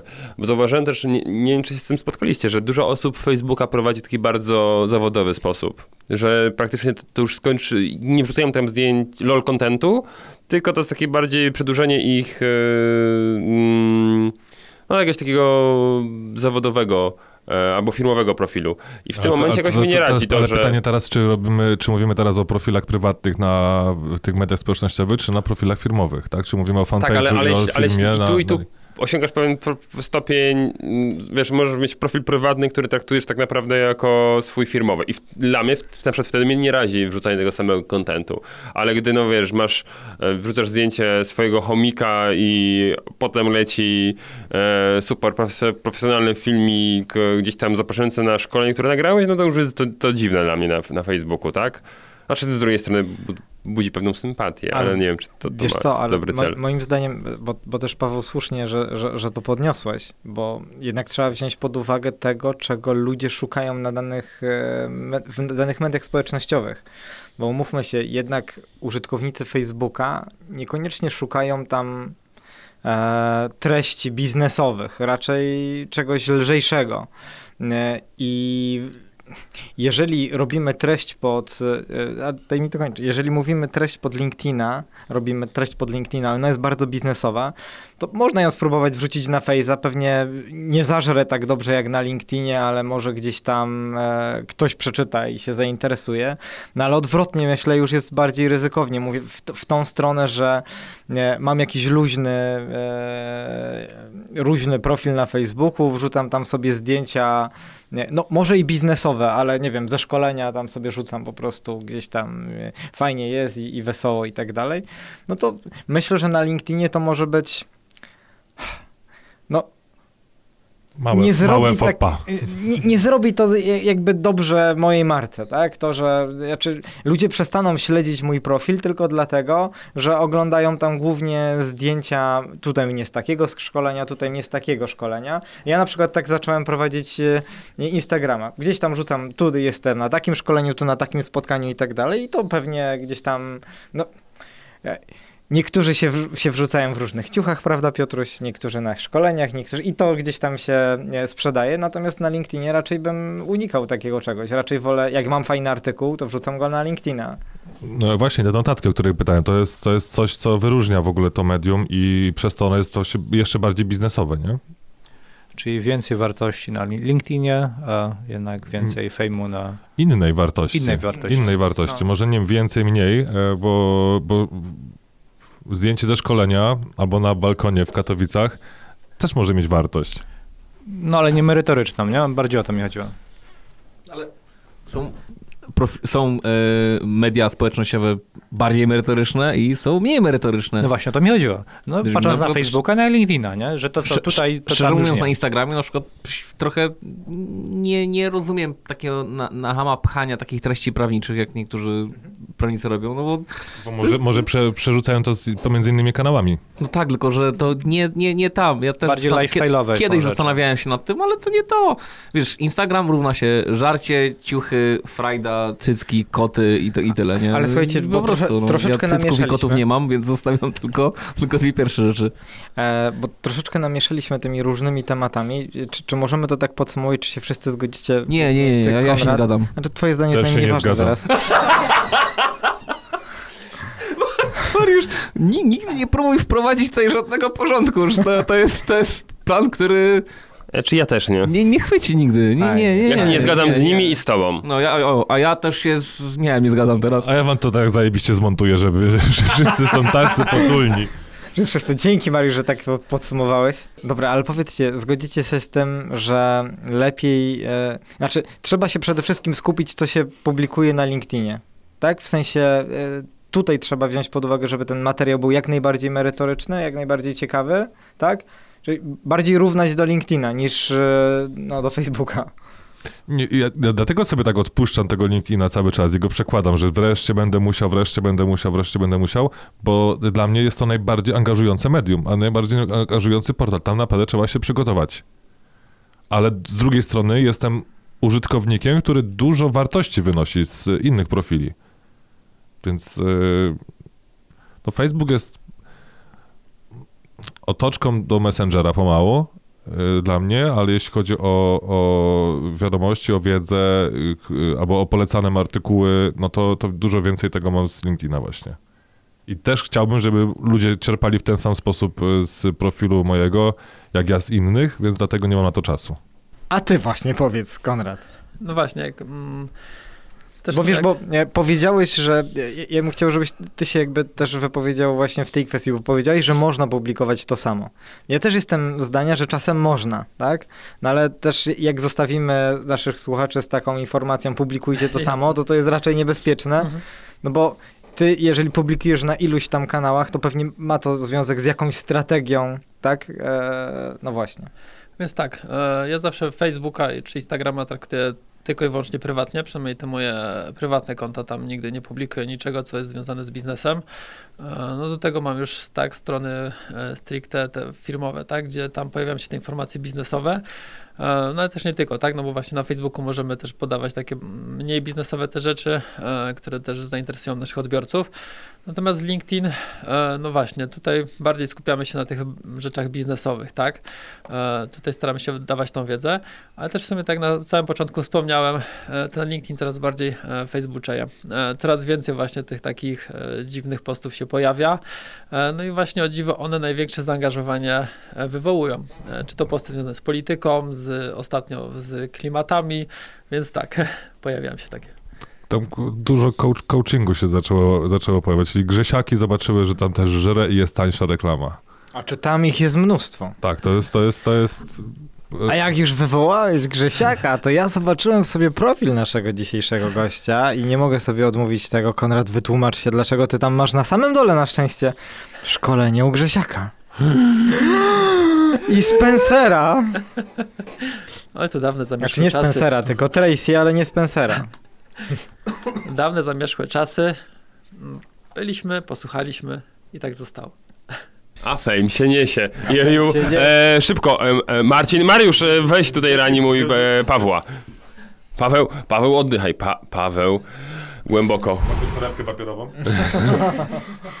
Przedsiębiorcy z wyboru. Podcast dla naznaczonych biznesem. Okej, e, ja cię chciałem się podpytać o przenoszenie mm, tej społeczności LinkedInowej do świata rzeczywistego, bo widziałem, że ostatnio angażowałeś się w jakieś wydarzenia LinkedIn Local, coś w tym stylu. O co w ogóle z, z tym chodzi, bo coś widzę, że mi dużo wyskakuje tego ostatnio, więc spodziewam się, że staje się coraz popularniejsze.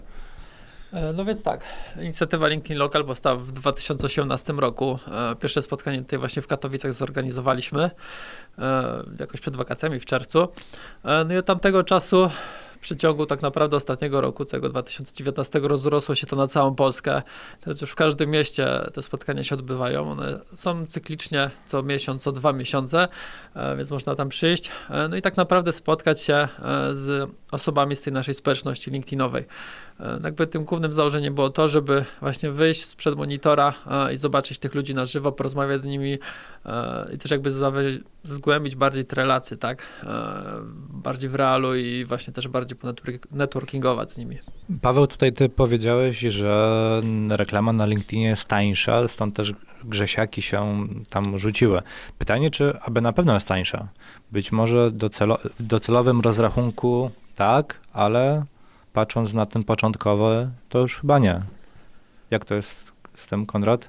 Więc tak, no to też zależy właśnie w jaki sposób rozumiemy tą reklamę. Jeżeli to jest e, tylko publikowanie właśnie jakiegoś kontentu na naszym profilu, e, to tak, to będzie wtedy to tańsza. E, reklama, docieramy do bardzo wielu osób, tak naprawdę e, poświęcamy tylko czas e, i nasze zaangażowanie na stworzenie e, tych postów. Jeżeli mówimy tutaj już o tych reklamach płatnych, to tak, są one droższe e, niż w przypadku innych mediów społecznościowych. E, Jednak też lidy, które na przykład wygenerujemy z takiej reklamy na Facebooku, są o wiele gorszej jakości niż te lidy, które wygenerujemy z reklamy na LinkedInie. E, Tam są to konkretne osoby, docieramy do konkretnych e, przedsiębiorców, czy tam do osób właśnie na konkretnym stanowisku. I te lidy, jeżeli właśnie już ktoś jest zainteresowany, no to faktycznie tak, ta konwersja będzie o wiele większa, bo ta osoba umówi się na spotkanie i będzie chciała dowiedzieć się tak, czegoś więcej na temat naszego produktu czy usługi. To ja mam jeszcze pytanie głównie do ciebie, Konrad, ale do, do, do wszystkich was, mianowicie e, jest taka praktyka bardzo popularna na LinkedInie, gdzie ludzie, mam wrażenie, że głównie jacyś tacy właśnie freelancerzy komentują posty innych, e, mocno e, reklamując siebie samego.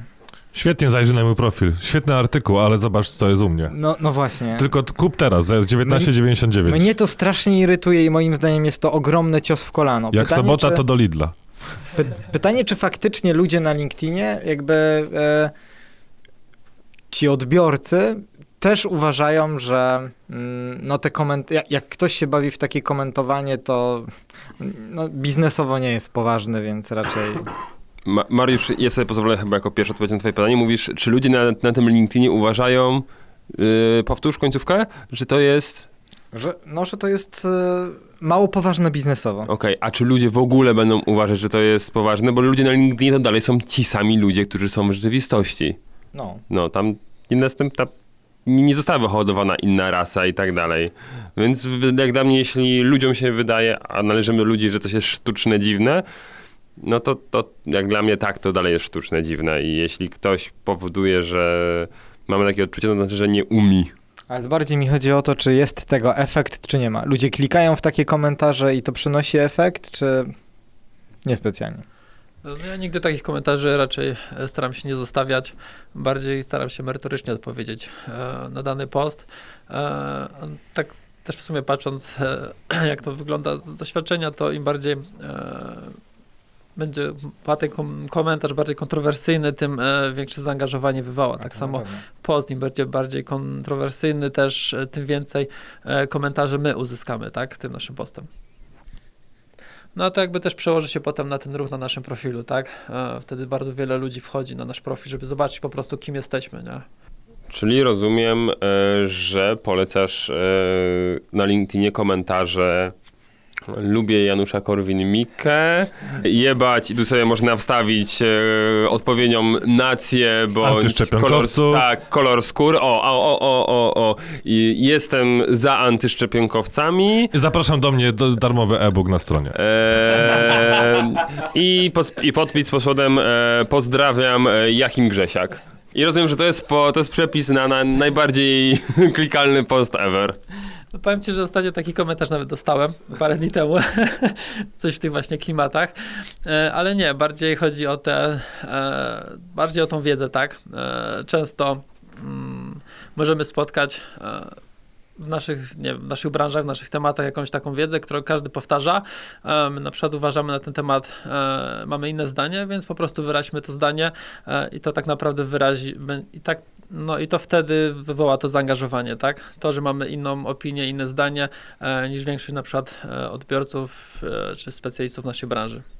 No właśnie, więc jakby komentowanie merytoryczne, gdzieś tam wypowiadanie się jest zawsze Jest fajne. zawsze bez sensu. Jest zawsze fajne, ale no wrzucanie przy okazji tego, a tutaj przy okazji jest mój e-book, albo tutaj, no to to już jest dziadostwo. Piotrek, jak tam twój LinkedIn? Założyłeś już? Nie, mam LinkedIn, ale Naprawdę? ja mam takie pro, proste pytanie do ciebie, takie, takie jako, jako lamus u- użytkownik, czyli... Piotr jest jak- prostym człowiekiem, Tak, zadaje jak- proste pytania. Jak większość naszych słuchaczy. Po co? E, nie, nie, nie po co. Słuchaj, A na co to komu? jakby, no, dajcie mi powiedzieć. Słuchaj, porównując oczywiście, no bo nie, nie, nie, dam, nie, nie, nie ominiemy porównania do innych mediów społecznościowych. Co jest na LinkedInie najważniejsze? Liczba znajomych, liczba postów, liczba lajków, liczba poleceń. Wiesz, o co chodzi najbardziej? ko- Długość e, e, postu. e, postów, e, długość. Wiesz, co jest, co jest najważniejsze? Posiadania Warto, konta. co, jakbyś miał wskazać na pierwszym miejscu, czy warto mieć jak najwięcej kontaktów, jak najwięcej postów, jak najwięcej lajków pod zdjęciem, pod postem? Co jest najistotniejsze? Właśnie ilość e, osób, które mamy w sieci bardzo rzadko przekłada się na zaangażowanie pod e, na przykład publikacjami, które tam wrzucamy. E, często jest tak, że osoby, które mają po 10 tysięcy osób w swojej sieci mają na przykład 2, 3, 2, 3 reakcje pod tym, co publikują, tak? E, więc tak naprawdę e, z mojego punktu widzenia, co jest najważniejsze, to właśnie ta regularność w publikowaniu wiedzy e, i dzielenie się tą wiedzą, e, no i posiadanie tej jakościowej sieci, e, która właśnie będzie reagowała na to, bo to wtedy się przełoży na to, że tak naprawdę dotrzemy do innych odbiorców, tak, czyli do naszych potencjalnych klientów, których jeszcze nie mamy w sieci, a którzy będą w sieci właśnie tych naszych znajomych, którzy zareagowali pod naszymi postami. Przedsiębiorcy z wyboru. Podcast dla naznaczonych biznesem. Okej, jakiś czas temu mówiło się, że no jak nie macie w Google, to nie istniejesz. Równolegle było, że jak nie macie na Facebooku, to nie istniejesz. To czy dzisiaj możemy mówić, że jak nie masz profilu na LinkedInie, to nie istniejesz? I to pytanie ma dla mnie sens, bo ja często mm, prowadzę zajęcia z moimi studentami tak ogólnie z wizerunku w sieci i sobie przeglądamy tam różne social media i ich pytam, czy mają konta na LinkedInie. I naprawdę z takiego pokolenia 20, 21-latków e, myślę, że jak na 30 osób jedna, dwie ma konto, to to jest maks totalny. Czy to, czy to znaczy, że to, to raczej starsi ludzie, czy oni jeszcze nie istnieją w sieci? Czy to po prostu LinkedIn jest dla starych? Inaczej. E, Ja bym na to też patrzył trochę inaczej. Jakby od, od tego, e, czy ja tego potrzebuję. Jeżeli właśnie szukam pracy, to na LinkedInie można ją bardzo łatwo znaleźć, ponieważ tam jest ogrom HR-owców i można bardzo szybko gdzieś tam tą ofertę pracy dostać. E, Jeżeli jesteśmy przedsiębiorcami i nasi potencjalni klienci są na LinkedInie, to też warto tam być. No wiadomo, nie każda branża będzie na tym LinkedInie, więc jeżeli nie czujemy, że, że potrzebujemy tego kanału, dodatkowo tej naszych, naszych potencjalnych klientów tam nie ma, no to też jakby no nie ma potrzeby po prostu, żeby tam być.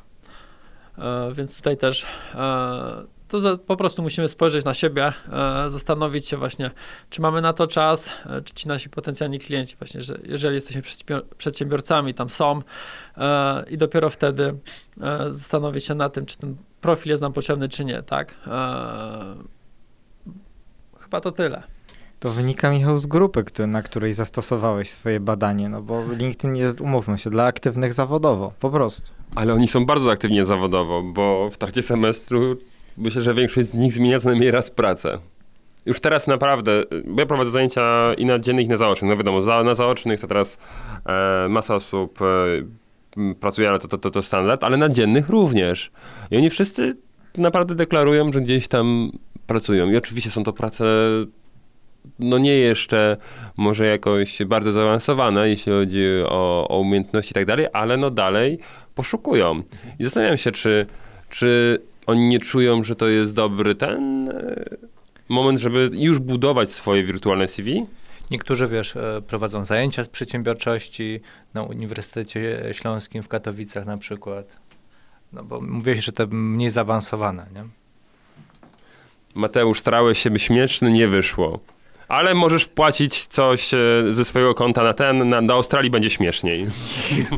Jezu, proszę, proszę was, ja nie chcę, żeby to był ostatni odcinek naszego podcastu, Pamię, naprawdę. pamiętaj, że jak płacisz złotówkę, to tak płacisz więcej niż Tak, bezos. tak. Ja pierdzielę. Ej, Ej, spokojnie. dziewczyny, Ale na przykład e, LinkedIn się chwali, że w tej chwili ile on tam, ile osób ma tam konto? Dwa- 2,5 miliona Polaków, coś tam czytałem, tak? Na pewno nie ma, nie ma, Rosjanie nie mają LinkedIna. No gdzieś tam już ta liczba zbliża się do 3 milionów nawet. No okej. E, Przy czym ja mam takie wrażenie, że o ile tam powiedzmy 3 miliony to już jest e, całkiem sporo, e, o tyle bardzo niewielka część mi- mimo wszystko wydaje mi się tych osób prowadzi aktywnie profile. Ra, raczej, raczej to jest taki profil, na którym masz swoją CV-kę i tyle, nie? Do którego możesz odesłać e, jak, jak, mm, jak poszukujesz pracy, ktoś się chce gdzieś tam... Ja tak trafiłem na LinkedIn lata temu. Lata temu. No wcześniej był Golden Line, nie? Jeśli chodzi No o właśnie, Polskę. tak, tak, tak. No. No właśnie, a może trzeba odświeżyć swoje konto na Golden Line. To to może być dobra grupa. On jest dalej, no, funkcjonuje Golden Line cały czas. Przedsiębiorcy z wyboru. Podcast dla naznaczonych biznesem. To na koniec jeszcze taka e, radosna informacja dla naszych e, słuchaczy, bo jednak e, z Michałem będziemy em, w odcinkach publikowanych od 17 kwietnia e, w górę, natomiast e, na pewno, czy teraz to już nie na pewno, ale istnieje prawdopodobieństwo, że nie będzie nas w połowie września, a to ze względu na to, że Cyberpunk opóźnił swoją, e, został, jego premiera została opóźniona o, o te kilka miesięcy. I nawet jeszcze dlatego nagrywamy to na koniec, bo obserwuję, jak przyjęła y, ten fakt giełda. No i na razie między wczoraj a dzisiaj jest minus 10%. Michale, jak odbierasz ten, tę smutną wiadomość? Plany mi to totalnie popsuło. Ale no cóż, e, ja wierzę, że dzięki temu naprawdę jak argumentują, gra będzie dużo lepsza. Ale to jest na... Pawle, wytniemy Marcina, prawda, z podcastu? Całego go wytniemy. Tak myślałem. Zostawimy tylko esencję. Nie, ale to sm- smutek jest ogólnie wielki, bo po tym jak to samo to studium, studio wypuściło Wiedźmia Trójkę, który teraz swoją drogą, tak jak gadaliśmy ostatnio, ma rekordy popularności po, po serialu, tak samo myślę, że po Cyberpunku Netflix zacznie kręcić serial Cyberpunk. Pytanie, czy to nie jest jakaś, e, nazwijmy to strategia też pod względem e, akcji, tak? Bo teraz spadli o minus 10, a mm, w momencie, kiedy będzie ogłoszenie, to może wskoczą znowu, nie na plus 20, plus 30 i tak będą na plusie. Znaczy, Znaczy, to, Na plusie będą na pewno, bo, bo ja, ja jestem ciekawy tylko, moim zdaniem nie, ta giełda nie ruszy się, bo to jest dalej ten sam rok obrotowy. Więc ten zysk i tak i tak będzie, tak? On będzie troszkę mniejszy, bo ta czas, czas sprzedaży będzie, e, będzie mniejszy. Ale e, moim zdaniem giełda czeka na reakcję ludzi, którzy mm, zakupili preorder, zapłacili tą, tę kwotę e, i no i teraz dostałem informację, że będą musieli trochę dłużej poczekać. Natomiast no, sądzę, że taką ma społeczność zbudowaną dookoła siebie po sukcesie właśnie i podejściu do, do producentów do, do Wiedźmina, szczególnie trzeciej części, że no, e, sprawdzi się powiedzenie, że kocha to poczeka, tak? Bo, bo wszyscy poczekamy, ale no, e, Mariusz nie poczeka. ja, ja myślę, że tutaj kalkulacja była prosta. E, albo wypuszczamy grę w terminie i spotykamy się z hejtem, że wypuściliśmy shit e, pod pewnymi względami i wypuszczamy potem łatkę za łatką przez następne pół roku. Albo, Albo opóźniamy- albo crunchujemy, to jest jeszcze trze- druga opcja z tych trzech, tak? I, I wszystkie ręce na pokład. Szczególnie, że oni powiedzieli, że gra jest ukończ- ukończona i jest już grywalna, tak? W Tak, 100%. Oni po prostu dopracowują smaczki. Tak, no ale to właśnie to jest to, tak. Trze- trzeba wrzucić Keanu Reevesa w większej ilości. Mówiliśmy, że e, Cybertrucka od Tesli trzeba dorzucić. To wszystko przez Tesla, to tak, to, to właśnie, no, to, to, to, nie wpadło. Nie, ale zobacz, e, fenomenem, fenomenem Wiedźmina było to, że oprócz głównej historii było masę pobocznych i naprawdę były smaczki nie tylko w wersji polskiej, ale i w angielskiej i i wiele nawiązań do świata rzeczywistego i tak dalej. Więc myślę, że to samo możemy się spodziewać po No, cyberpunku to- to i, i dlatego e, tak długo ta gra wymaga przygotowania. Więc myślę, że tak jak mówiłem, e, oni się spotkali albo hejtują nas, bo opóźniamy, będzie mniejszy hejt, albo hejtują nas, bo wypuścimy coś, co nie spełni oczekiwań. No i w związku z tym decyzja była prosta. Ale bardzo dużo ludzi też stwierdziło, że ten termin jest niekoniecznie realny, ten pierwszy. Jak podawali kwie- kwiecień, to wszyscy wow, że jednak kwiecień. Prawda, że szybko. Tak. E, Wiedźmin był przesuwany dwa razy, trójka. Była dwa razy Tak? obsuwa, tak, bo to, to, to sprawdzałem jeszcze. E, wrzesień. Ciekawa data ze względu na to, że w, w grudniu mamy premierę nowych y, konsol. Tak, zarówno od Sony, jak i od Microsoftu, więc e, pewnie będzie jakaś wersja jeszcze następna e, na, na szóstą generację. E, Ale teraz po, po, popatrzmy też na to z, jed- z jednego mm, punktu widzenia. Wszyscy wydawcy, którzy uciekali z kwietnia z wydawaniem swoich produkcji, Są gdzieś. tak, gorzej jak uciekli z kwietnia na wrzesień. Tak, no bo to są takie okienka wydawnicze, tak, że albo robimy, no wakacje to raczej jest taki okres Martwy martwy, sezon, tak, dokładnie, więc wtedy się gier jakichś takich głośnych nie wydaje, więc albo to wrzucamy teraz, no potem następne okienko to w Gwiazdka, świąt, prawda? tak. Listopad, Ale to grudzień. się i tak jeszcze sprzeda akurat w tym wypadku. Tak, nie, no, no jak no, ostatni kwartał to Cyberpunk będzie mocno stał. Jeśli oczywiście dotrzymają terminu. Dziękujemy. Dziękujemy. Tak, tak, halo tak. To Studio. Halo, kącik, kącik nerdowski. tak, halo Studio. Przedsiębiorcy z wyboru. Podcast dla naznaczonych biznesem. Okej, patrząc na dzisiejszy odcinek i tematy związane z LinkedInem, e, warto tutaj e, moim zdaniem rozwinąć ten slogan, o którym mówiłem na samym początku, czyli nie tylko wyróżnij się albo zgiń, ale bądź widoczny i wyróżnij się albo zgiń. I z tą myślą sądzę, że powinniśmy was pozostawić. Działajcie, bądźcie aktywni w mediach społecznościowych i przede wszystkim pamiętajcie o tym, żeby dawać innym wartość, a nie tylko fame i e, zdjęcia kotów, chociaż one są również w niektórych sytuacjach ciekawe. A jak już coś dajecie, to pamiętajcie, żeby dawać pięciogwiazdkowe recenzje w, e, jak teraz to się nazywa, Apple Podcast. Dokładnie. Tak. Także czekamy Bo na was. cztero, czterogwiazdkowych nie czytamy. Nie czytamy. e, Komentujemy tylko. Tak, i nie zawsze pozytywnie. Także z tą myślą Was pozostawiamy. Żegnamy się, także do usłyszenia, do zobaczenia. Na razie, cześć. Cześć, siema. Cześć. Cześć. Cześć, cześć. Przedsiębiorcy z wyboru. Podcast dla naznaczonych biznesem. Porady, studium przypadków, nowinki, analizy, dyskusje, rozmowy, opinie. Ale pierdolnąłeś czubówne na początku, ja pierdolę, zajebiście. W życiu bym tak nie napisał. La la la la la la la. Kto bierze z tymi pornosami? Ty chyba, ty masz największe doświadczenie, Paweł. Ale czekaj, bo jeszcze nie brakuje. Mógłbyś powiedzieć, e, e, Mariusz, jakbyś powiedział jeszcze jebać, bo tego nie mam jeszcze w, w tym. I Pierdol się, nie powiem jebać. Chyba, i, I chyba ty. Chyba ty. O, dzięki.